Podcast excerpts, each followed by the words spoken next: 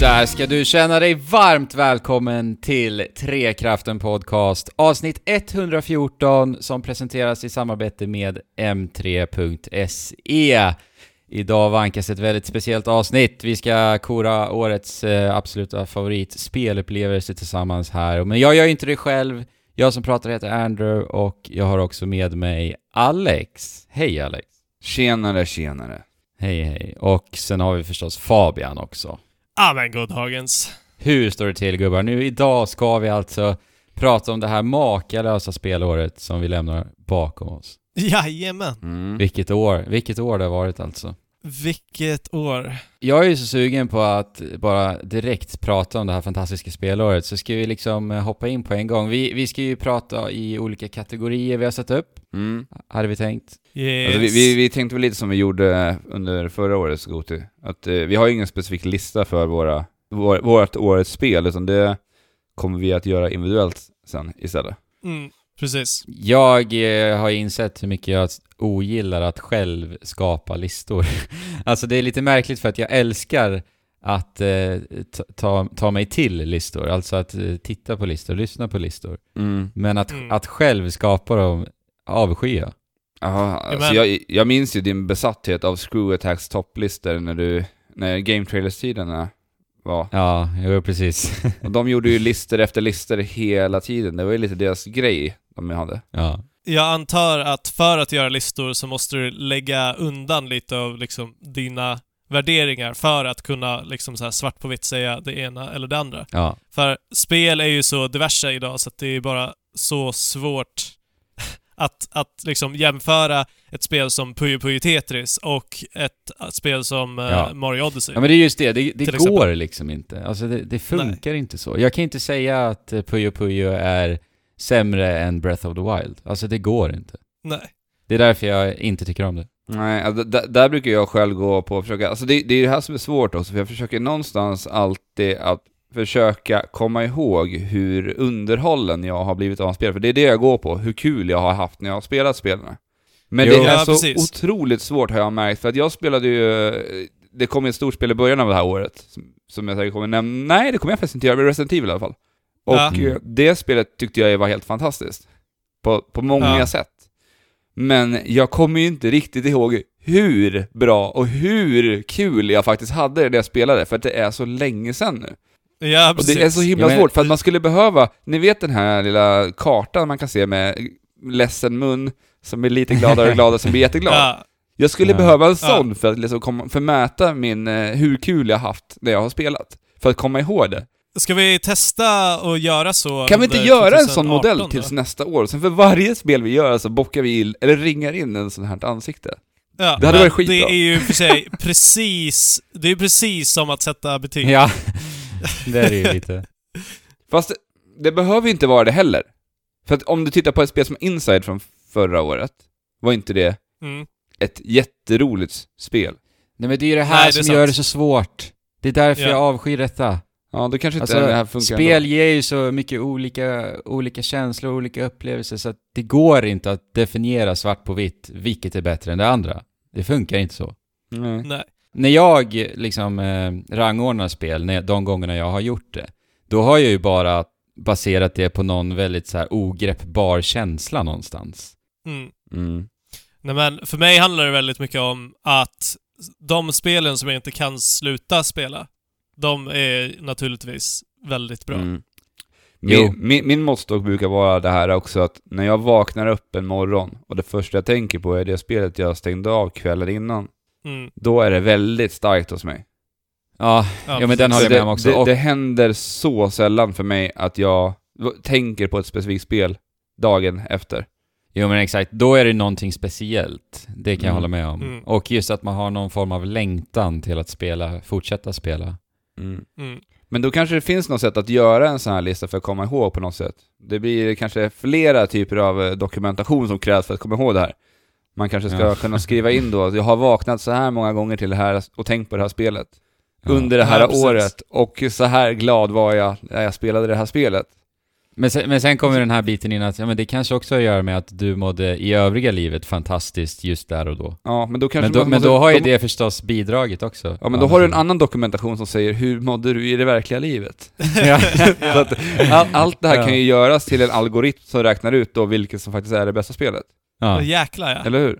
Vi får se till att programmera in ett program där man kan bara skriva in de här och sen så får vi ut någonting eh, greppbart. Mm. ja. Eller hur? Då, någonting som man faktiskt kan ta på och se på, ja men det här är, det är ju klart att det här är det bästa spelet. Så blir det här mycket Mm. lättare nästa år. Då blir den där känslan jag pratar om då helt, helt och hållet greppbar, helt plötsligt.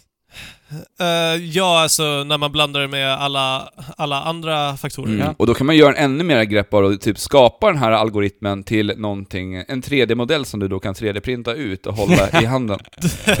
Eller hur? Okej. Så att det blir verkligen greppbart. Ja, då blir det verkligen Ja, greppbart. men det är en annan eh, historia och en annan... Eh, ja, det här får vi se i framtiden. Ja. Eller inte. Men, nu- men nu vet ni... Ja, jag vet inte tusan alltså.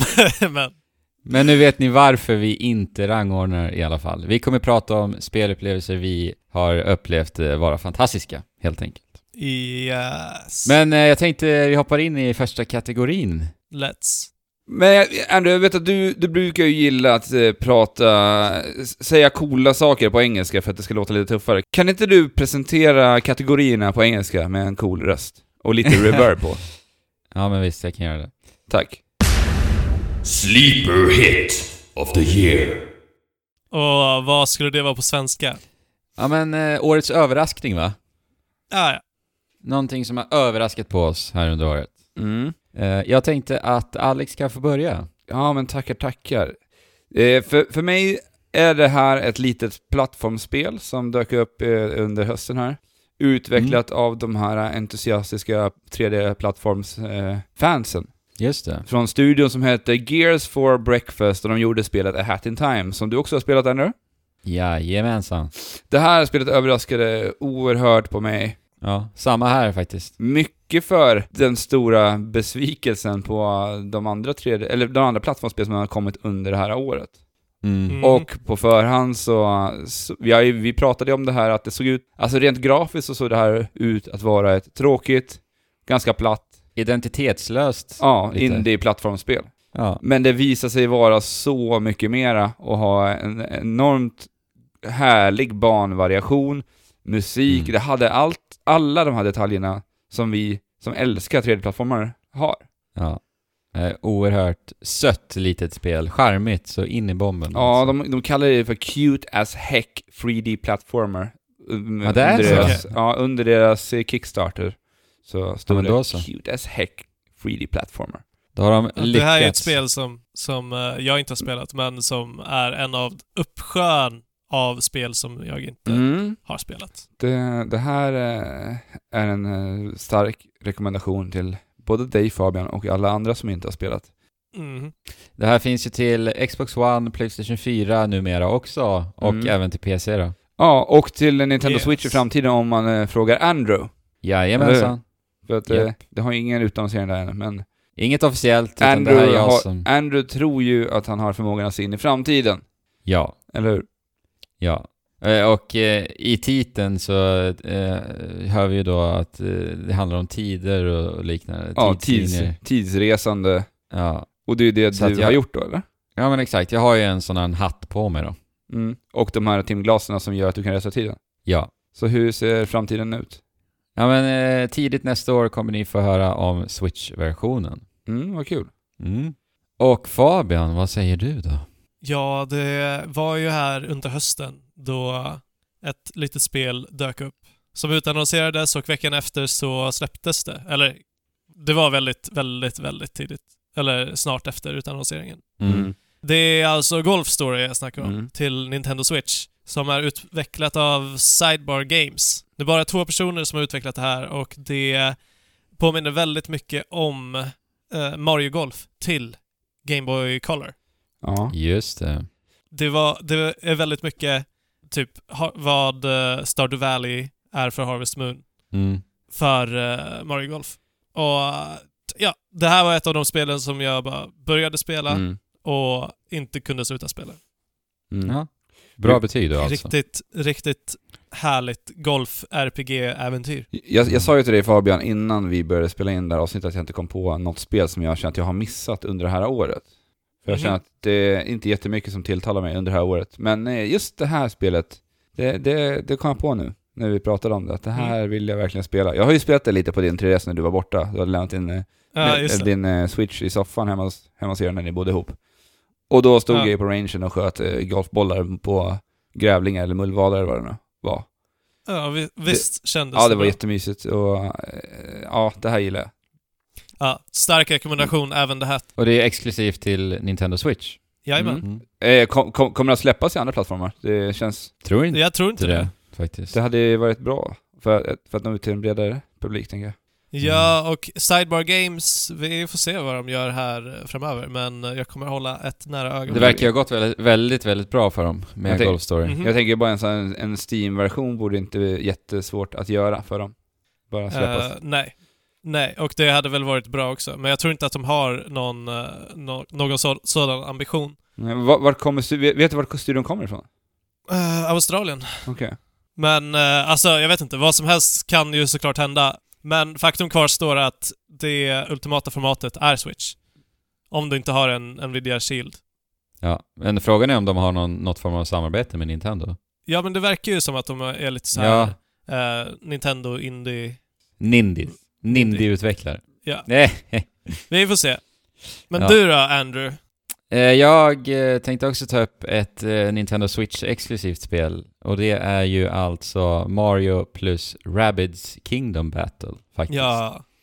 Det här var ju ett spel vi inte visste någonting om överhuvudtaget. Ett spel vi inte ens kunde i fantasin tänka på överhuvudtaget innan 2017 kickade igång. Ja, och även när det utannonserades så var det väldigt många frågetecken.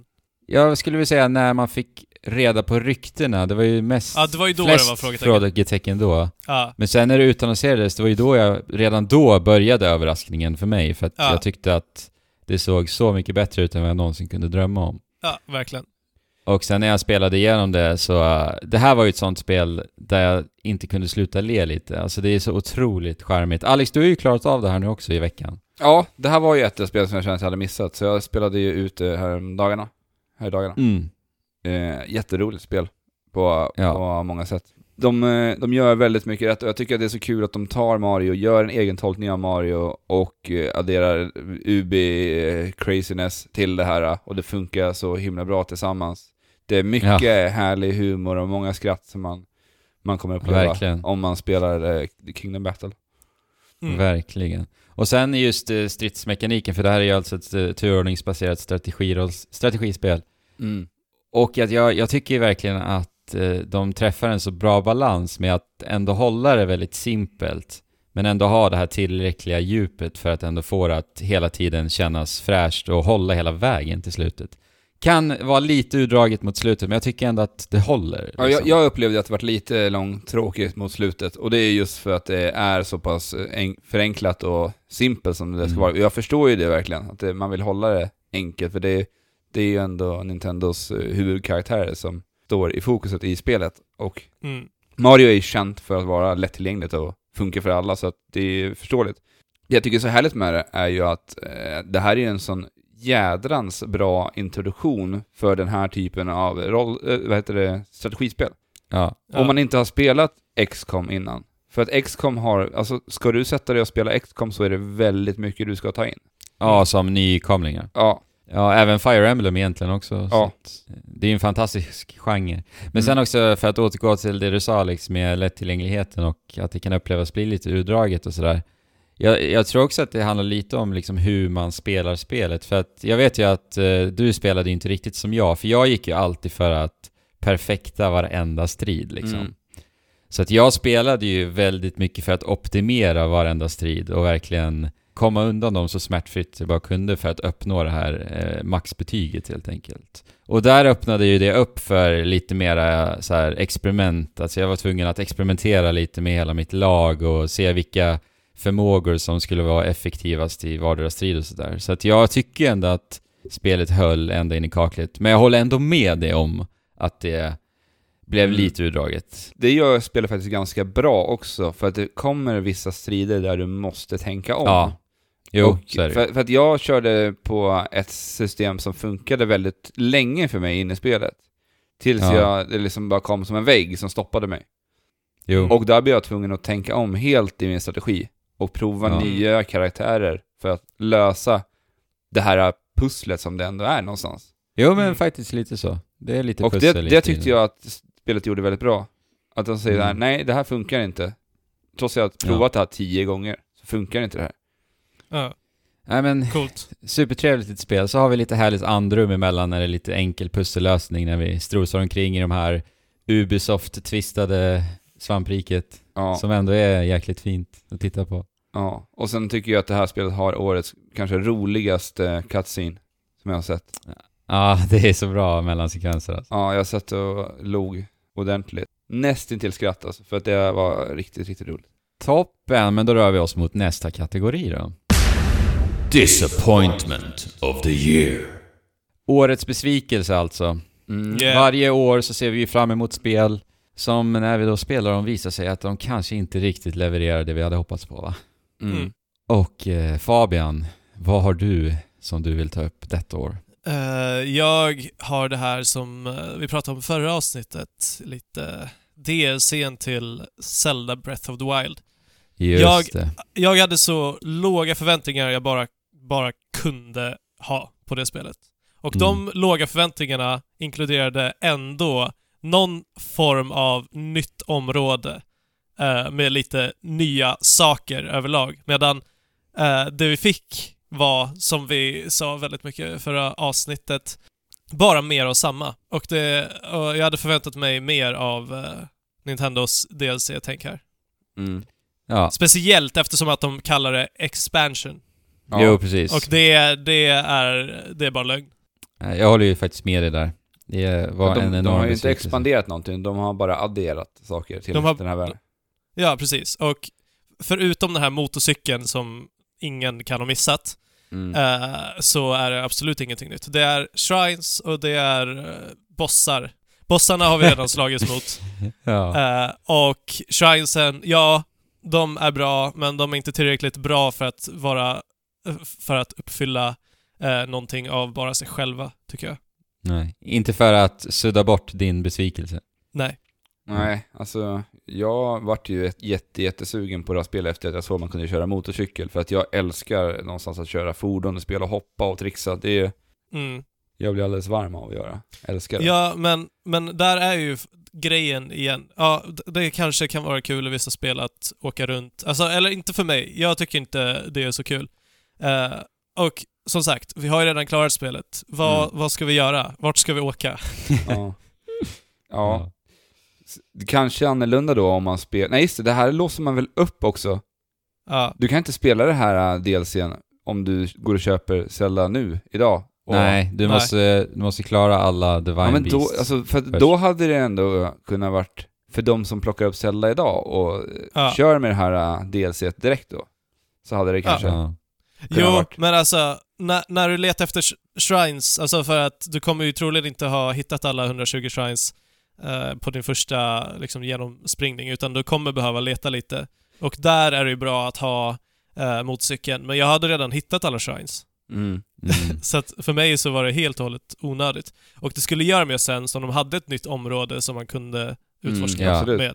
Och som var lite designad ut efter kanske motorcykeln också då. Ja, precis. Och att det fanns typ någon, eh, eh, någon terrängbana typ som är som Ja. en motocrossbana där Motocrossbana. man kan trixa lite och... Mm. Ja. Alltså ja. det, det, det påminner ju väldigt mycket om hur Endgame ser ut i Mario Odyssey egentligen.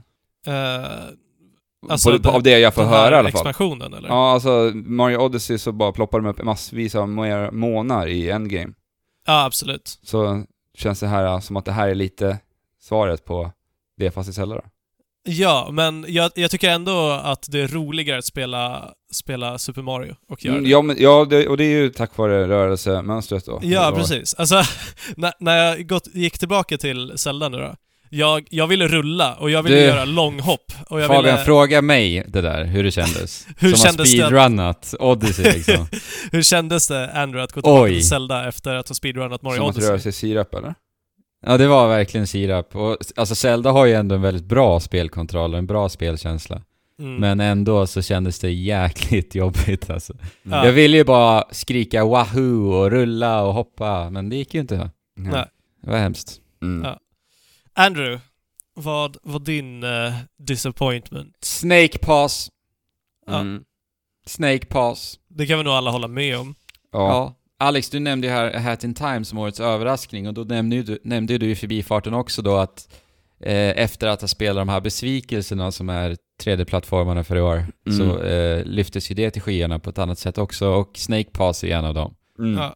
Alltså grejen är med Snake Pass, jag tycker om konceptet. Alltså det finns eh, mycket smarta idéer här. Ja. Absolut. Ja. Så det ska de verkligen ha liksom. Mm. Alltså jag, jag, älskar, jag älskar tanken, hela grundmekaniken, att vara en orm och röra sig på det sättet. Mm.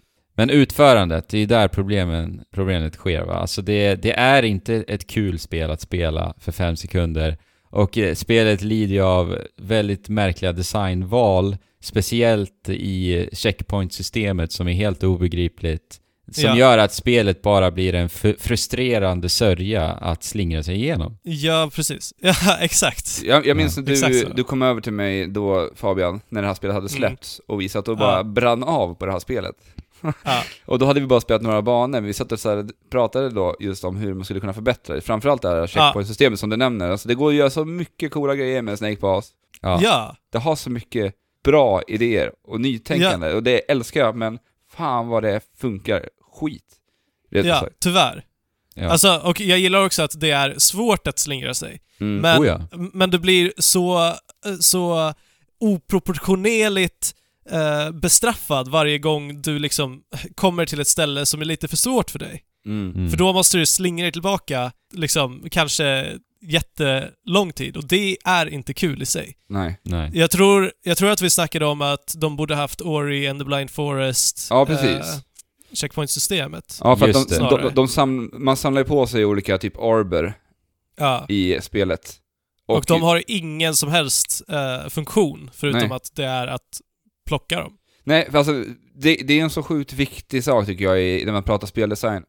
Varför Ja. ska jag plocka upp de här överhuvudtaget? Vad ger det mig? Ja, precis. För det, det är Ja. så sällan spelen faktiskt alltså, motiverar en till att faktiskt plocka upp saker. Man går och samlar på sig saker har ingen betydelse. Men hade man då gjort det i ett spel som Snake Pass och haft eh, den, den funktionen som man använde i Ori the Blind Forest där man samlade upp som en mätare genom att plocka Mm. på sig orb-liknande föremål för att ladda upp en funktion där du kunde applicera ut en checkpoint precis var du ville i spelet. Ja. Så hade det här Genius. spelet varit så mycket roligare för att de här som du säger Fabian, transportsträckorna emellan de här olika klätterställningarna i Snake Pass var inte roligt att göra. Nej. Det roliga var att leka orm och klättra i träd och allt vad det nu var. Det påminner ju lite om ett Mario-spel. Jag tänkte på det du sa Fabian, att, att det kräver ju ändå att du faktiskt bemästrar det här slingrandet. Alltså, Mm. i början så kan du ju inte knappt eh, liksom eh, hantera ormen. Nej, det är skitsvårt. Mm. Men sen i, när vi är i slutet på spelet, då klarar vi faktiskt av det. Ja. Eh, Alex då? ja, det är ju ett eh, utav de andra. Jag har ju nämnt det här så många gånger nu. Jukka Leili är den sto- Ja. största besvikelsen för mig det här året. Ett spel som vi alla såg fram emot och jag spelade det, jag tyckte det var fruktansvärt och skrämde till och med bort er från att spela det här Ja. spelet. Ja. Ja, verkligen. Så, eh, det har ju kommit till Switch nu. Har ni, har ni Ja. läst någonting hur det har tagits emot på Switchen? eller? Eh, inte hur det tagits emot, men det verkar vara den bästa versionen att Mm. spela. Ja, jag kollade ju på den här eh, YouTube-kanalen Digital Foundries analys. Ja. Och de kallar det ju en fantastisk port till och med. Ja. Så att det ska ju rulla superbra på Switch. Ja. Men om man då kan jämföra det här emot det jag sa om Hat in Time som gjorde så mycket saker rätt. Alltså vi pratade Mm. musiken, variationen i världarna, rörelse, mönstret. Mm. Det är raka motsatsen till vad Hat in Time är, Yooka-Laylee för mig. Mm. Och det, det, det, det funkar inte överhuvudtaget. Jag hade hoppats på att det här skulle bli som återupplevelsen, eller återupplivandet utav 3D-plattformarna. Ja, och Rares 3D-plattformare Precis, specifikt. för det här var ju då, vad heter han, Playtonic som då var avhoppare från Rare, som var med och jobbade på Rare under 64-tiden. Ja. Så man hade ju någonstans hoppats på att det här skulle bli ett bra spel, men eh, ack så kast det blev, tyckte jag. Ja men det vi hoppades på var ju en evolution utav eh, de tidigare 3D-plattformarna snarare än en eh, direkt kopia egentligen. Ja. Det, För det är ja, väl men- så ja, det kändes. Jo, alltså det kändes ju åldrat spelmekaniskt sett, så kändes det som att man hade tagit ett 64-spelet, du hade lagt på nya 3D-modeller, texturer och lite, lite snyggare spel helt enkelt. Men spel spelades som det gjorde på 90-talet egentligen. Mm. Ja. Och nej, kass, kass, kass. Vi har blivit överraskade av 3D-plattformare och besvikna utav dem det här Mm. året. Mm. Music of the year. Okej, alltså årets musik. Musik i spel är ju väldigt speciellt. Eh, det handlar ju inte om att man bara hör en, en låt och sen tänker man wow, den här låten var ju fantastisk. Utan det är ju så mycket annat som bidrar till att musik faktiskt blir riktigt kraftfullt i spel, tycker jag. Yeah. Eh, och jag har ju då valt en låt ifrån eh, Breath of the Wild, Zelda. Mm. Det här är ju från eh, den här lilla byn vi besöker relativt tidigt spelet. För mig var inte det tidigt när jag tänker efter. Nej. Men generellt så tror jag att det är ganska tidigt spelet. Strunt samma, en by i Zelda, Hateno Village. Ah, den är så bra. För att vara en låt så är det här en fantastiskt vacker låt med väldigt minnesvärda melodier som det enligt många ekade ganska tomt på i Breath of the Wild. Jag är Ja. inte en av de som håller med om det, men, men det här är en sån låt som verkligen känns väldigt minnesvärd baserat på att bara vara en låt. Men det som gör att det blir så, en så bra låt och ett så minnesvärt stycke musik för mig är ju liksom hela min resa på vägen dit Mm. och en sak som Breath of the Wild gör så fasansfullt snyggt med sitt soundtrack, det är ju hur den hur det fungerar lite som ett så här magnetiskt fält och drar dig till platser Mm. när du hör hur musiken liksom fadas in när du närmar dig saker och ting. Mm. Eh, och Hateno Village var en av dem och när jag bara hörde den här Kakariko Village osande låten, alltså Kakariko Village från tidigare Zelda-spel, då eh, jag bröt ihop faktiskt. Eh, och när det visade sig vara en så fantastiskt vacker låt som det är också. Mm. Mm. Ett eh, ögonblick som jag aldrig kommer glömma. Det bara Mm. gick rakt in i hjärtat på mig. Ja.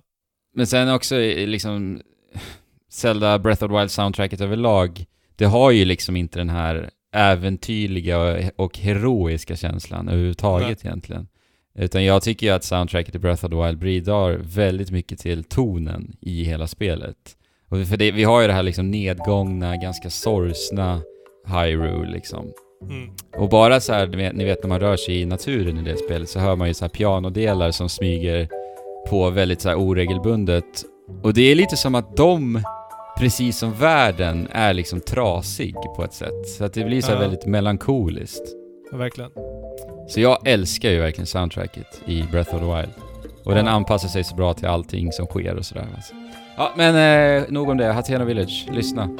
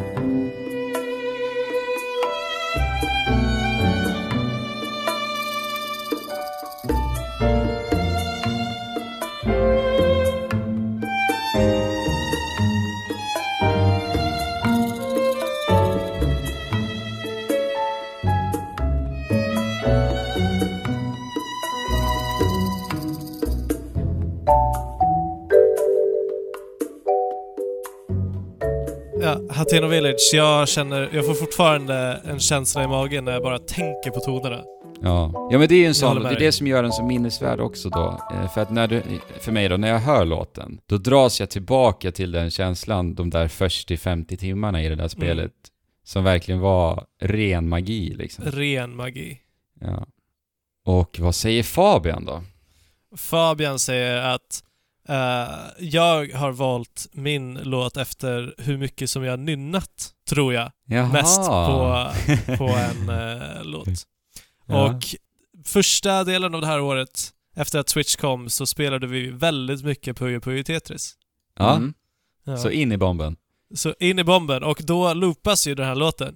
La Mm. la la la la la la la la la Den, eh, den har gått Du, du har varmt. inte valt så att man får slummässigt vald musik i spelet eller? Nej, Nej. går det? Ja. Ja men Fabian, jag, jag, jag minns ju att jag berättade för dig att det går. ja. Men du, Aha. men du var ju väldigt koncentrerad på en match då, så jag tror inte du tog in det riktigt. Nej, det- troligen inte. För det, det gjorde ju jag ganska tidigt för att eh, få lite rotation, för att man blir ju, alltså det är, det är ju en riktigt härlig låt. Ja. ja, men den blir väldigt repetitiv. Ja, det blir Och det. den sätter sig på hjärnan väldigt, väldigt lätt. Men man hamnar Ja. i ett bra mode av låten, känner jag. Mm. Mm. Ja men den är härlig och glad och svingig, precis som Puyo Puyo Tetris. Ja. Men jag, jag är glad att du tog upp just Puyo Puyo Tetris här idag Fabian, för att Ja, det har kommit så många bra spel i år, men shit vad jag tyckte om Puyo Puyo Tetris. ja alltså det Eller är ett av mina absoluta favoriter. Ja, det är verkligen värt att nämnas vid eh, när man ska summera det här året. Även Ja. om det släpptes till eh, tidigare, eller andra plattformar tidigare. Eller vänta nu, i väst släpptes det i år, men i Ja, Japan? precis. Alltså jag vet inte när det släpptes, men det är ju typ två, tre år sedan i Japan. ja. Men det är väst-release, Mm. vi får utgå ifrån. ja, så då är det därför vi nämner det i år va? Alltså jag, Ja. jag skulle säga att Puyo Puyo Tetris är eh, lätt ett, en av tidernas bästa pusselspel. oh ja. Ja. Ska jag Oh ja. säga, utan tvekan faktiskt. Det Ja. är sjukt roligt att spela det ihop. Ja, I love it. Helt ärligt, skulle jag nämna mina absoluta favoritspel genom alla tider, Puyo Puyo Tetris skulle vara ett av dem alltså. Mm. För att jag, jo men det, alltså... den är svår, den är svår. Nej men tänk så ja. här, tänk så här. det är ett pusselspel. Alltså det är Ja. ett väldigt nischat spel. Ja. Och, och jag tycker ändå att ett sånt nischat spel är ändå värt att få nämnas vid, alltså riktigt, riktigt jävla bra spel. Ah, ja. Du menar om man skulle rabbla liksom 100 titlar, Alltså, så jag, kommer Puyo Puyo jag, kan, jag kan ju delvis hålla med dig för att Tetris är ju ett av mina absoluta favoritspel någonsin genom tiderna. Ja. Det är, Ja, men det är det jag så, menar. Det är, Det är så det perfekt menar. på alla sätt. Men i Puyo Puyo Tetris så får du både Puyo Puyo och Tetris. Och det är Ja, ju, det är ju magiskt. Därför så kan jag faktiskt hålla med om det. Skulle till och med kanske hamna på en topp 10 för mig, just av den anledningen Ja. för att du får... Jag är beredd att hålla med alltså, för att jag spelar ju hellre Puyo Puyo Tetris än Tetris. Ja, Mm. utan tvekan. Så att, ja. Skitbra spel. Ja, det är det Snor. verkligen. Bra. Ett litet tips faktiskt, eh, äger ni en Switch vet jag, så är det här spelet på rea just nu på e-shoppen. Mm. Jaha, ja, jaha, ja. Ända till 28 december tror jag att det var. Ja, de kör en liten Ja. ja. race där, så man hade rabatterat på eh, Rocket League där också. Ja, exakt. Ooh. Mm, för typ 120 kronor eller något sånt där. Så det är, det är bara att slå till in och in. julklappar till er själva. Köp det ni själva vill ha istället för att vänta på att någon annan ska ge er till det. Ja men jag tänker ju det, nu är det juletider och Puyo Tetris är ju ett fantastiskt spel då. Mm. Ja, som du kan dela med alla på, under julfestiligheterna. Mm. Exakt. Alla vet ju vad Tetris är, det här har vi ju pratat om också när vi pratade om Puyo Puyo tidigare år. Att det Ja. är ju ett så härligt spel i och med att alla vet liksom ändå reglerna på ett sätt. Så det är bara att hoppa in och ha det gött. Mm. Ja. Så in och köp och treat yourself.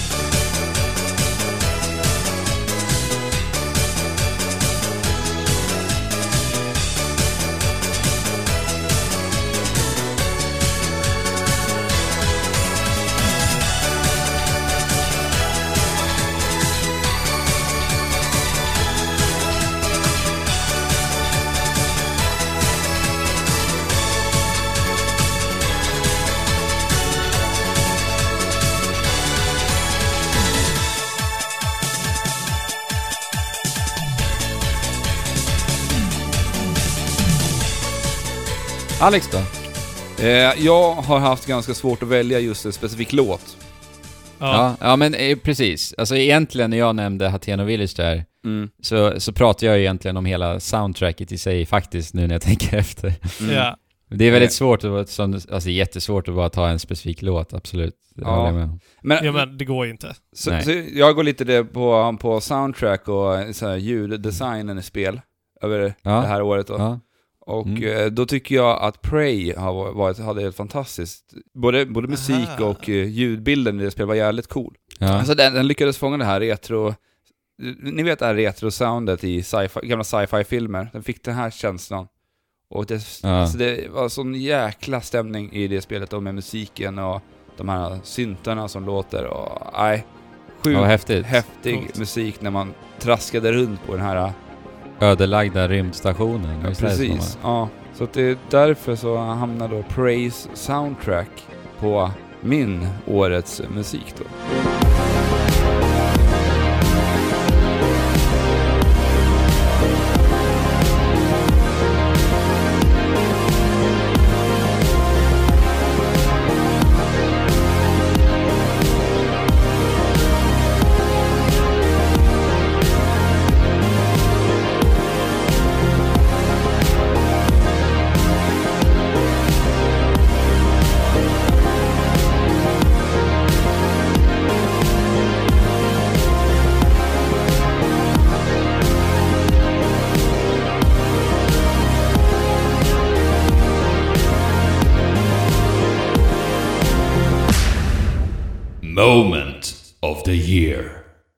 Årets spelögonblick alltså. Ja. Mm. Någonting som skedde i spelvärlden som fick oss att bara veta att det här kommer jag aldrig glömma i hela mitt liv. Ja. Mm. ja, ja. men det är väl bra. Alex, vill du börja då? Jag, jag har ju märkt att eh, under sommarmånaderna så har ju jag sen då ett år tillbaka haft som en liten... Alltså det, jag tror att det kan se ut att kunna bli en trend för mig att spela mycket multiplayer under sommarmånaderna. Mhm. Ja. Och det här året så släpptes ju Player Unknowns Battlegrounds i, jag tror det var maj. Ja. Och Mm. eh, ja, det är ju ett spel som alla har hört talas om. Det blir ju hur stort som helst. Ja. Det släpptes ju på Xbox här förra veckan. Ja. Under det här Game Preview. Jaha, det är så? Yes, jag har ju spelat det lite grann till X- Xbox-versionen. Vadå, du kan inte köpa det fysiskt ännu till Xbox? Eh, Jo, det kan man. Det kan du säkert Jag göra. såg det igår. Ja, det gjorde det. Ja. Men, men, det är ändå... Ja, det är inte släppt. Det är under, under Games... Jaha. Ja, det, Jag vad, det vad var de kallar det, det är alltså early access. Ja, men det är väl något sånt. Ja. eh, Games Preview, tror jag. Eh, men det har ju sålt jättebra på Xbox One. Ja, det nådde ju bara Ja, men till en miljon spelare till, bara för, Ja. efter någon dag, vilket är helt sinnessjukt. Det här spelet Ja. har ju tagit över spelvärlden och det är, man, Ja. man kan ju inte lämna det här året utan att prata om PlayerUnknown's Battlegrounds. Det är, Nej.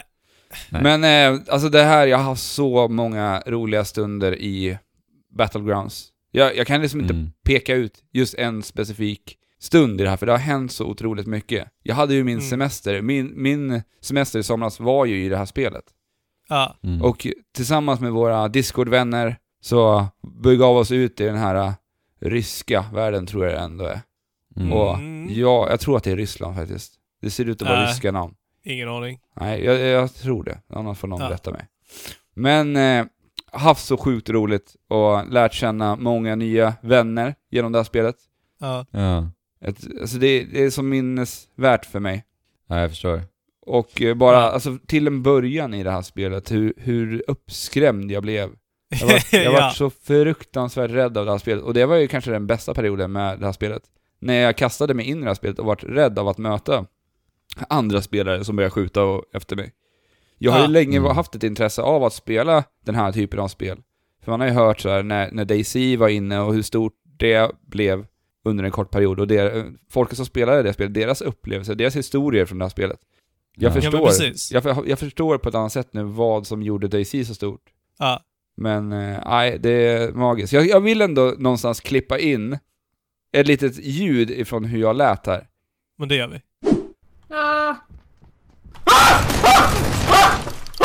Sweet baby Jesus. Och det är just de här stunderna, som, när jag skrek så här, som jag mådde Ja. som bäst i det här spelet. Jag, jag, Ja. jag, tror att, jag tror att det som spelade med dig också då mådde som bäst. Det tror jag. Ja. Jag, Ja. jag får hoppas det i alla fall, så att jag inte skrämde bort dem. Nej. Eh, Så, så du kanske har varit en del utav andra personers eh, bästa ögonblick i år också då? ja, kanske. Kanske. Förmodligen. Ja. Det hade ju Ja. varit eh, jäkligt trevligt om det var så i alla fall. Ja. Men det här är ju ett exempel på spel som växer sig större utanför sig själv. Mm. För ja, det är att ju man- verkligen. Hänger med eh, folk och vänner. Eh, du du ska, skaffar nya vänner och eh, ni gör er en, man gör sin egen upplevelse Mm. vid varje spel. Mm. Och det uppskattar jag väldigt mycket. Sen så fastnar inte jag lika mycket som dig, men jag förstår verkligen varför det har blivit så stort. Ja, men för mig då? Ja. Eh, ett härligt ögonblick.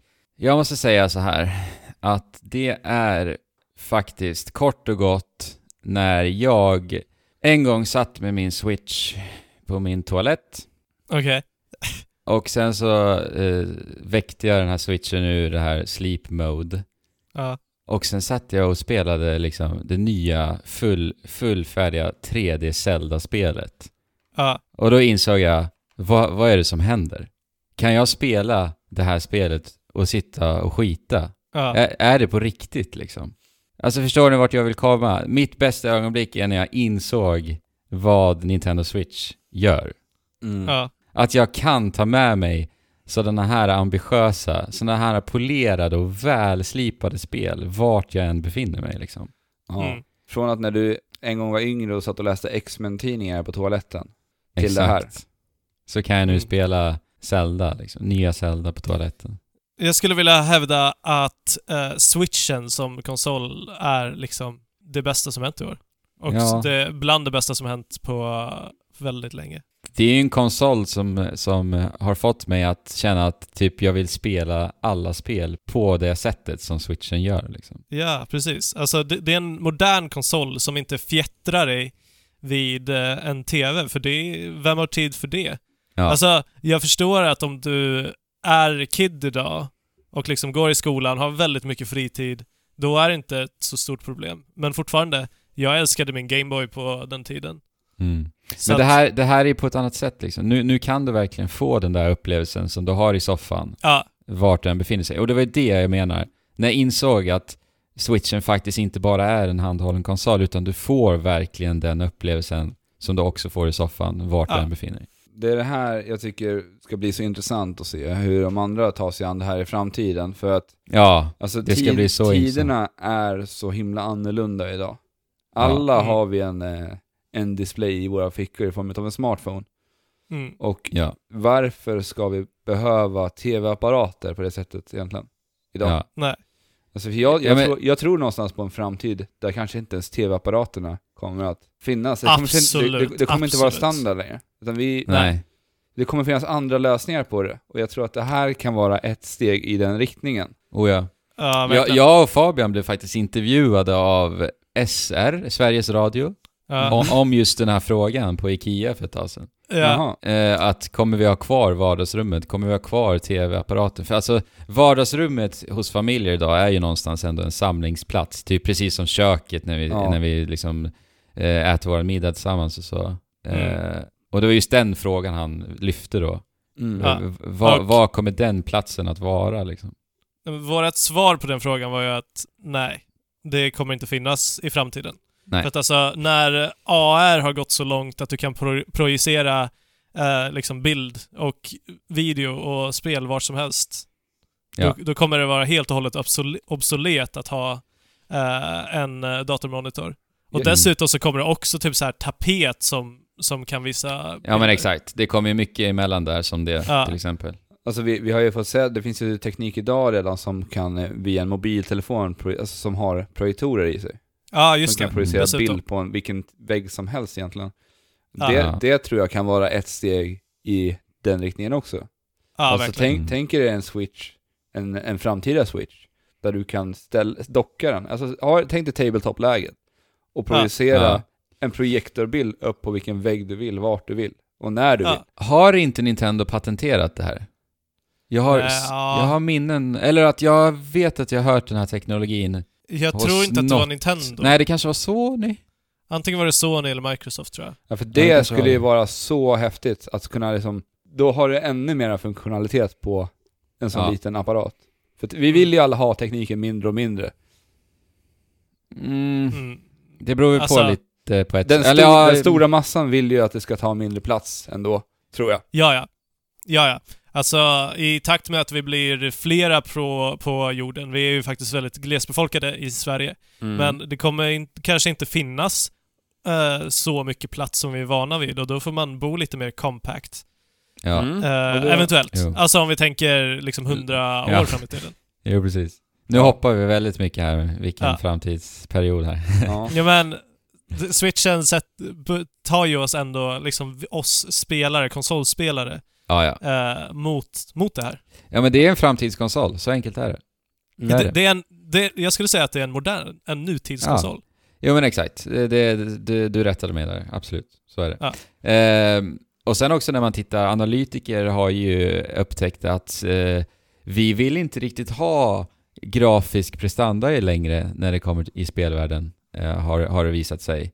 Och bara när vi ser liksom försäljningssiffrorna på switchen, det är en enorm succé. 10 miljoner har ju sålts nu va? Mm. Så att Nintendo gör ju verkligen någonting rätt här och de gör en produkt som folk vill ha. Alltså, vi vill ha switchen. Vi Mm. vill spela på switchen. Mm. Alltså det, det är ju ganska intressant att du nämnde det. Vi har läst också just om det. Och Ja. det visar sig också i det spelet som jag nämnde nyss, Battlegrounds, som är kanske årets fulaste spel. Ja. Ja, som ändå har precis. blivit så eh, omtyckt och omtalat under det här året. Ja. Ja. Exakt. Så att det, är, det är verkligen nya tider. Utan, ja, men precis. Alltså Det det, är ju liksom- spelidén som spelar roll, Ja. inte och hur Ja. det spelas. hur många det som- polygoner det finns. Ja, precis. Jag kommer prata om ett spel sen där det bara är konceptet som gör att jag total älskar det spelet. Så. Men det väntar vi med. Mm. Mm. Ja. Ja men toppen. Eh, Jag tror att både jag och Fabians ögonblick gick lite i ett där va? Ja, det gjorde det. Ja. Mm. Så vi rör oss mot nästa. What game from 2017 do we want to play that we haven't played? Ja. ja, alltså vilket Ja. spel ifrån det gångna året vill vi spela som vi helt enkelt inte har spelat? Kanske inte hunnit, kanske eh, gick, rann ur sanden, vem vet va? Ja. Jag, jag känner att Fabians ambivalens kommer komma fram här. Ja, vi kan ju börja där. Alltså, du har ju redan, det finns... du har ju redan Alltså- nämnt att den är, det är Alltså en du, stor du borde ju bara kunna göra en lång lista och bara namedroppa alla dina spel istället.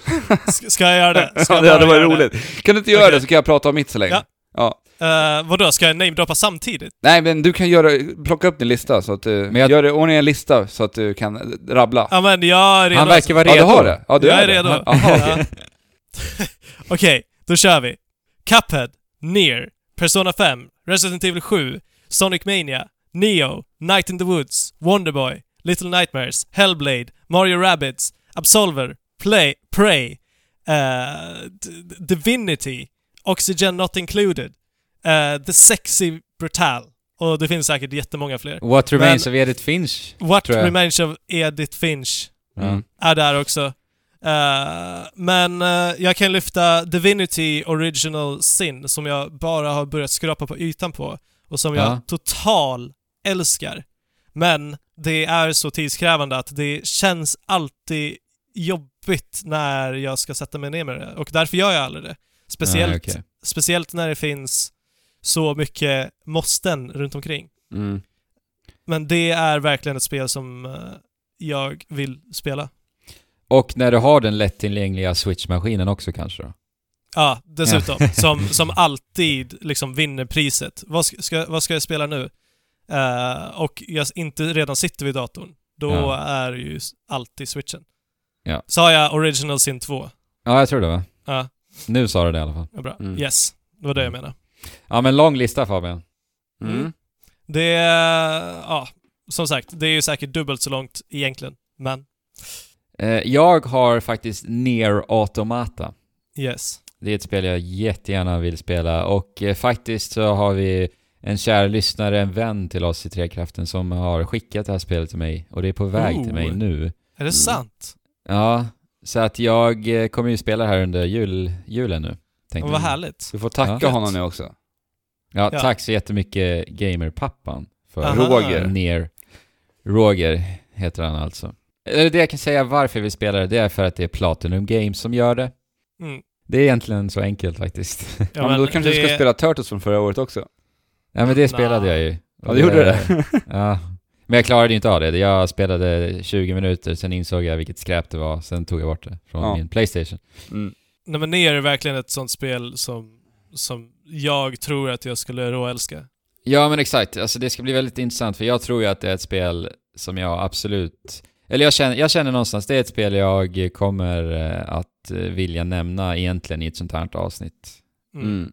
Som, eh, som du gjorde med Doom nu i år. Exakt, För förra Exakt. årets Goti. precis. Men eh, mer om det nästa år helt enkelt. Eh, Förmodligen då. Ja. Eh, mitt eh, spel har jag ju redan påbörjat lite grann. Och det är ju Rhyme. Ja, just det. Ja, just det. det. Det var ju ett spel som vi alla såg jättemycket fram emot. Sen så försvann det och sen så när det kom så verkade det inte se lika bra ut som vi Mm. hade Nej. hoppats. Alltså det har ju tagits emot väldigt bra ändå, Ja. spelet. Så att det Ja. var därför jag kände så här, men jag, då måste jag kanske prova det här då. Mm. Alltså, hypen dog ju, tvärdog ju på det här spelet, för att jag visade upp det här på ett E3 och sen såg det helt magiskt ut. Och sen så var det tyst om det här väldigt, väldigt länge. Mm. Ja, de verkar ju ha haft enorma problem i utvecklingen. Ja, eh, det har ju kommit en Switch-version på det här nu också, som ska tydligen vara väldigt trasig av det jag har läst. Mm. För det var Ja. den versionen jag ville spela först. Men eh, den ska inte rulla så bra. Det är så här Metacritic-betygen när jag kollade senast låg på så här 60 mot Ja. PC, eller konsolversionen, alltså typ 80-90 någonstans kanske. Men hur verkar det då, den lilla stund som du... Alltså jag, jag har inte kommit längre än där jag var senast. Jag har haft så mycket Okej. annat att göra när det kommer till spelmakandet. För spelmakandet tar en herrans massa tid ifrån, från mig. Ja, Ja. förstår. Så, Du, du kommer ju hoppas- bli den där spelutvecklaren som man frågar Ja men vad spelar du annars då? Nej jag Mm. hinner inte spela. Mm. Ja. det är alltid det svaret när man pratar med utvecklare. Ja. Ja. Nej men eh, det här ska jag väl försöka klara i alla fall under julledigheten om inte mitt spel jag håller på med just nu tar alldeles för lång tid. Härligt. Men hörni, då har vi kommit till att prata om årets spel till slut då. Jajamän. Games of the Year 2017. Då har vi landat här, Trekraften. Yes. Vi har ju som sagt ett par spel bara vi vill rabbla upp som vi tycker har varit fantastiska. Ska jag Ja. börja eller? På en Vi kan, ju, börja. vi kan ju förtydliga att det är ingen specifik lista, vi har inga platser. Nej, ingen rangordning överhuvudtaget. Eh, Splatoon 2 Mm. Ja. vill jag nämna faktiskt. För att det här är ju ett, det spelet tveklöst jag har lagt ner mest timmar på eh, under hela det här året. Mm. Ja. Jag såg det på, när jag kollade in din profil på switchen här. Ja, Typ såhär Ja. 250 timmar någonting. ja 250 timmar. Mm. Hur mycket Switch har du spelat i genomsnitt? Ja, det är helt galet. Jag räknade ju ut hur mycket jag, Switch jag har spelat per dag sedan den lanse- lanserades. Aha. Och det är lite över tre och en halv timme. Det är helt sjukt. Jag tror det var 890 timmar totalt. Som det står på min profil nu. Oh my Men det är god. galet alltså. Och Splatoon har tagit en väldigt stor klump av den. Ja, exakt. Så det är väldigt mycket därför jag vill nämna det här. Men varför gör jag det då? Men det, alltså det, det är så otroligt sällan jag fastnar för kompetitiva online-skjutare. Alltså det, Mm. Men det finns någon enorm dragkraft med Splatoon. Jag kan liksom inte få nog utav den här intensiteten i de här rankade matcherna. Lekfullheten. Nej. Variationen i alla vapen och sen har vi de här härligt modemedvetna inklings som jag ser till att hålla fräsch hela tiden va? Ja, såklart. Eh, och sen hela charmen liksom i inramningen och alla de här personligheterna som vi handlar våra kläder eh, av och sådär. Det är så, Ja. sån härlig lättsam stämning överlag som jag bara total älskar liksom. Ja. Och sen är det snortajt också. Ja, och det bästa av allt är ju liksom konceptet. Det var här jag Ja. refererade till då.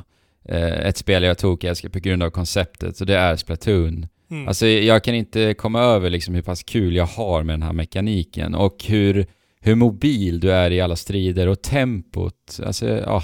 Mm. Det, och sen hur spelet bara rullar som en dröm. Ja. Jag, har liksom, jag har liksom inte haft så här kul med en online-skjutare sen, sen Halo 3 på, Oj. på, på 360-tiden. Nej, du, Så- du fastnade ju inte lika hårt för, för förra årets Overwatch som jag och Fabian, som var, Nej. drogs in i det där ordentligt. ja, verkligen. Alltså grejen är att jag tyckte ju Overwatch var fantastiskt. Jag tycker det än idag. Men eh, om man ska jämföra, men det är så här, jag kan inte jämföra de spelarna riktigt heller, men någonstans tycker jag ändå att uppenbarligen att Splatoon 2 är ett roligare spel. Annars skulle jag inte spela så här mycket liksom. Nej. Men eh, Overwatch har ju verkligen sina kvaliteter också som absolut inte finns eh, hos Splatoon liksom. Mm. Men det är just mekaniken jag tycker så mycket om i Splatoon. Ja, och, och responsen som man får när du skjuter Ja. Någon Mm. annan inkling och... ja, det är så löjligt polerat så att det finns inte. Ja. Och sen just Nej, det det är här, vi får ständiga uppdateringar hela tiden också. Eh, nya banor, nya spellägen, nya kläder, allting. Liksom. Splatfest. Nya, ny musik och Splatfest. Så det, det bara fortsätter bara och spelet bara drar mig in återigen hela tiden liksom. Mm. Snart kommer du att förvandlas till en bläckfisk. Då kommer du alltså att bli en bläckfisk som kan resa i tid. Ja men just det. Ja, Exakt så. Det är ju imponerande ändå. Ja. Det ska ändå bli intressant eh, för mig personligen att se hur mycket Splatoon 2 jag kommer spela nästa år. Ja, Mm. just det. Alltså nästa år har vi Monster Hunter. Ja, precis. Det, det kommer ju såklart komma upp mycket distraktioner, men det ska ändå bli... Vi får se. Mm. Mm. Vi kanske kan få ersätta hela Trekraften med vikarier så får vi ha en eh, sidopodd som heter Trekraften Monster Hunter-podden. Och sen så får vi någon som Ja. vikarierar för oss i podden istället. Ja, Ja. det är en idé faktiskt. Ja, Ja.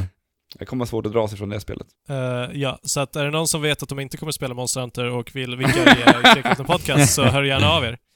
Ja. Nej, Men eh, vi kan väl hoppa på Zelda. Vi har ju nämnt Zelda en hel del redan. Mm. Eh, Ja. Och eh, alltså dels i den här listan och också tidigare det här året. Har Ja, vi pratat ja. väldigt mycket Zelda och hyllat det till skyarna. ja. ja. Och det, det gör så himla mycket bra. Och jag tycker fortfarande att liksom de första mellan 40 till 60 timmarna, jag vet inte riktigt exakt, är det bland det bästa jag någonsin spelat. Mm. Det, det är det verkligen. Alltså, de känslorna det här spelet gav mig där och då har jag aldrig upplevt i ett spel förut. Nej. Det närmaste jag kan komma var liksom när jag var, när jag var liten, när jag var barn. Ja, och kom ut på Hyrule Field i Ocarina of Time typ. Ja, men det kändes ändå mer kraftfullt än så, det här faktiskt. Ja, Och, just, och att jag upplever det när jag är liksom 27 år gammal, det är det... 26 var jag då faktiskt. Ja. det är eh, väldigt speciellt. ja, verkligen.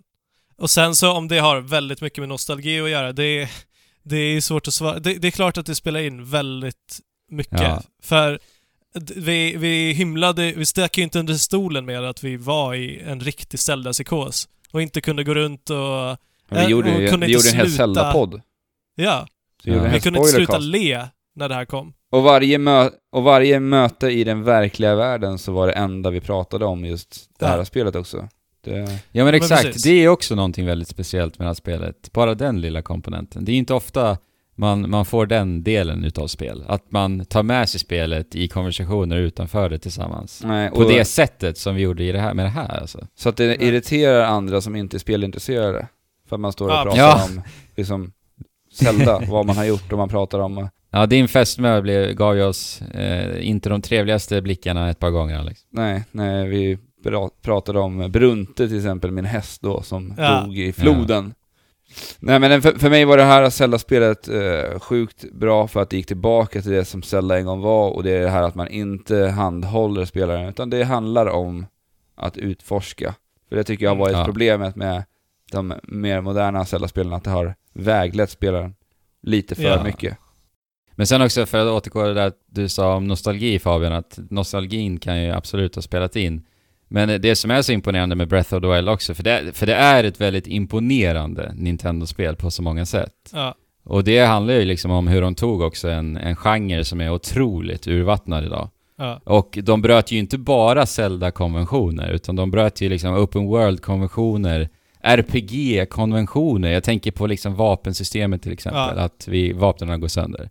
Och det här gör de liksom bara för att fokusera på en specifik eh, kärna, helt Mm. enkelt. Och det är ju att spelen ska känna att de är iväg på ett äventyr liksom. Och bara hur vi har friheten med klättringsmekaniken gjorde ju att det för mig blev svårt att spela andra spel efter det här spelet liksom. ja, alltså jag håller med. Och om jag ska försöka, om jag ska försöka vara så objektiv jag bara kan när jag utvärderar det här, då, då hamnar jag fortfarande i, i samma balja. Det, det är bland, bland det bästa som har gjorts. Alltså om man ska Mm. titta på vad det gör för en genre. Ja Eh, men exakt. och hur stora kliv det tar. Men Ja. samtidigt, samtidigt så måste jag också erkänna att i efterhand så har det lämnat en något bitter smak eh, efter att man har fått, efter att man har blivit så pass stark att ingenting är läskigt eller utmanande längre och Mm. liksom det, det enda som är kvar är det här tröttsamma som alla open world-spel lider av. Att du bara ska liksom leta och hitta av ingen riktig anledning alls. Ja, nej men jag, jag håller ju ändå med dig liksom. Eh, Mm. Absolut. Jag, jag, jag vet ju att du är den som verkligen inte kunde njuta utav det riktigt, Nej, jag kunde inte det. Nej, Och, och jag tror att det är ett symptom av att jag avskyr open world. ja men exakt. för, jag- för jag kunde ju ändå ha det kul även den perioden som du nämner. Och sen för mig också personligen så bidrog det ju också såklart väldigt mycket att, att min flickvän var ju med mig liksom på hela den här Mm. resan. Och det var ju liksom en, en daglig rutin för oss. Att vi gjorde liksom kvällsmat och satt oss och spelade Zelda varje dag. Ja, Alltså det är klart att det har bidragit också ändå till, till min upplevelse liksom. Men så, du, så, så du menar Fabian på att det är mycket det här samlandet som påverkade din upplevelse nu idag då, utav Zelda? Ja, För ja, alltså det, det, det omotiverade samlandet. Mm. Alltså, Ja. för ju- just det här med samlande i spel, jag, jag avskyr det mest utav allt, för jag känner mig alltid så, vi pratade om det här samlandet i Snake Pass, Mm. och hur, jag, jag blir så, det känns så otroligt, jag vet inte, det är så brist på kreativitet att bara slänga ut collectibles och samlandet av saker. För att jag, Ja, när, när jag spelar spel som har, så vad heter det, collectibles, så struntar jag nästan alltid i det. Jag går aldrig in för att försöka hitta någonting, för att för mig så bryter det känslan av ett spel. Ja, och alltså jag känner detsamma, men jag kan inte hålla mig ifrån att samla. Nej, för att jag, jag har ju gjort så för mig själv, bara för att det inte ska påverka min spelupplevelse. Då struntar jag i men jag det förstår. helt och hållet. För att jag, jag, blir, smart. jag blir så jäkla less, och jag blir nästan till arg på alla dessa trötta jävla collectibles som alla spel dras med. Ja, Ja, men jag, jag håller ju med alltså, men, men grejen är att jag tycker ändå Zelda gör mycket bra saker med sitt samlande. Till skillnad ifrån alltså open world-spel i Alltså- just Breath of the Wild. In, Alltså- i, inte när the shit hits the fan. Riktigt. Inte när, alltså, i hela äventyret så ja. Där gör de Ja. väldigt bra saker med, med samlandet. Men endgamet är katastrofalt nästan.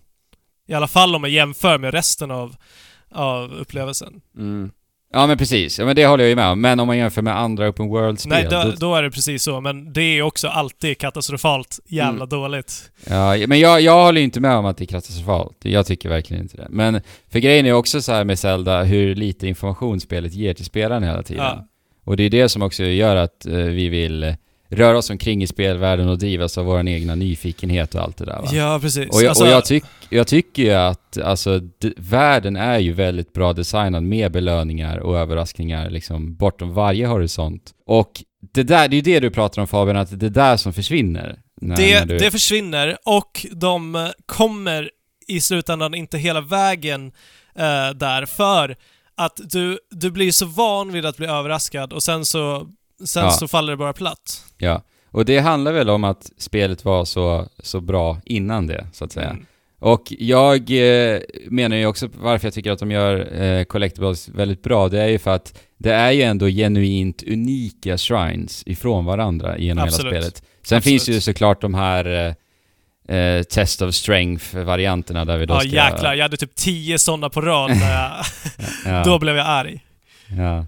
Mm. För att alltså, för det som är lite häftigt med Breath of the Wild också, det är ju att alla har ju olika upplevelser. Mm. Så att det är ju ett spel som man formar själv ändå. Ja, verkligen. Ja, och jag, jag hade ju aldrig avsikten att jaga alla shrines, utan jag gick bara upp på en upptäcktsfärd, lika skulle gjort i verkligheten om jag var Link då. Ja. Ja. Och körde på det sättet, för man kan ju inte hitta allt i verkliga världen heller.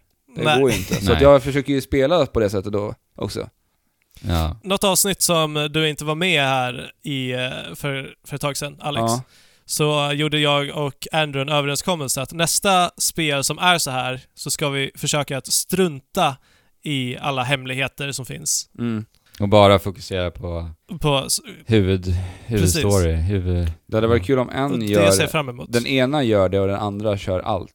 Och sen diskuterar om det. Ja, vi får se vad det kommer för spel Ja. som man kan göra som är... Nej men alltså Zel- Zelda Breath of the Wild är ett spel som jag nämnt ända sedan det släpptes. Det är ju ett spel vi vill att spelutvecklare ska kika på för de gör så mycket rätt här alltså. Mm. Ja. Eh, Alltså bara att vi inte har ikoner på kartan. Vi vet inte vad Nintendo har fyllt den här världen med, utan det är vi som ska utforska det. Och de litar på att vi kommer att så göra det som spelare. Ja, Och de, de res- respekterar liksom vår intelligens i och med det också. Att vi Mm. faktiskt kommer att göra det.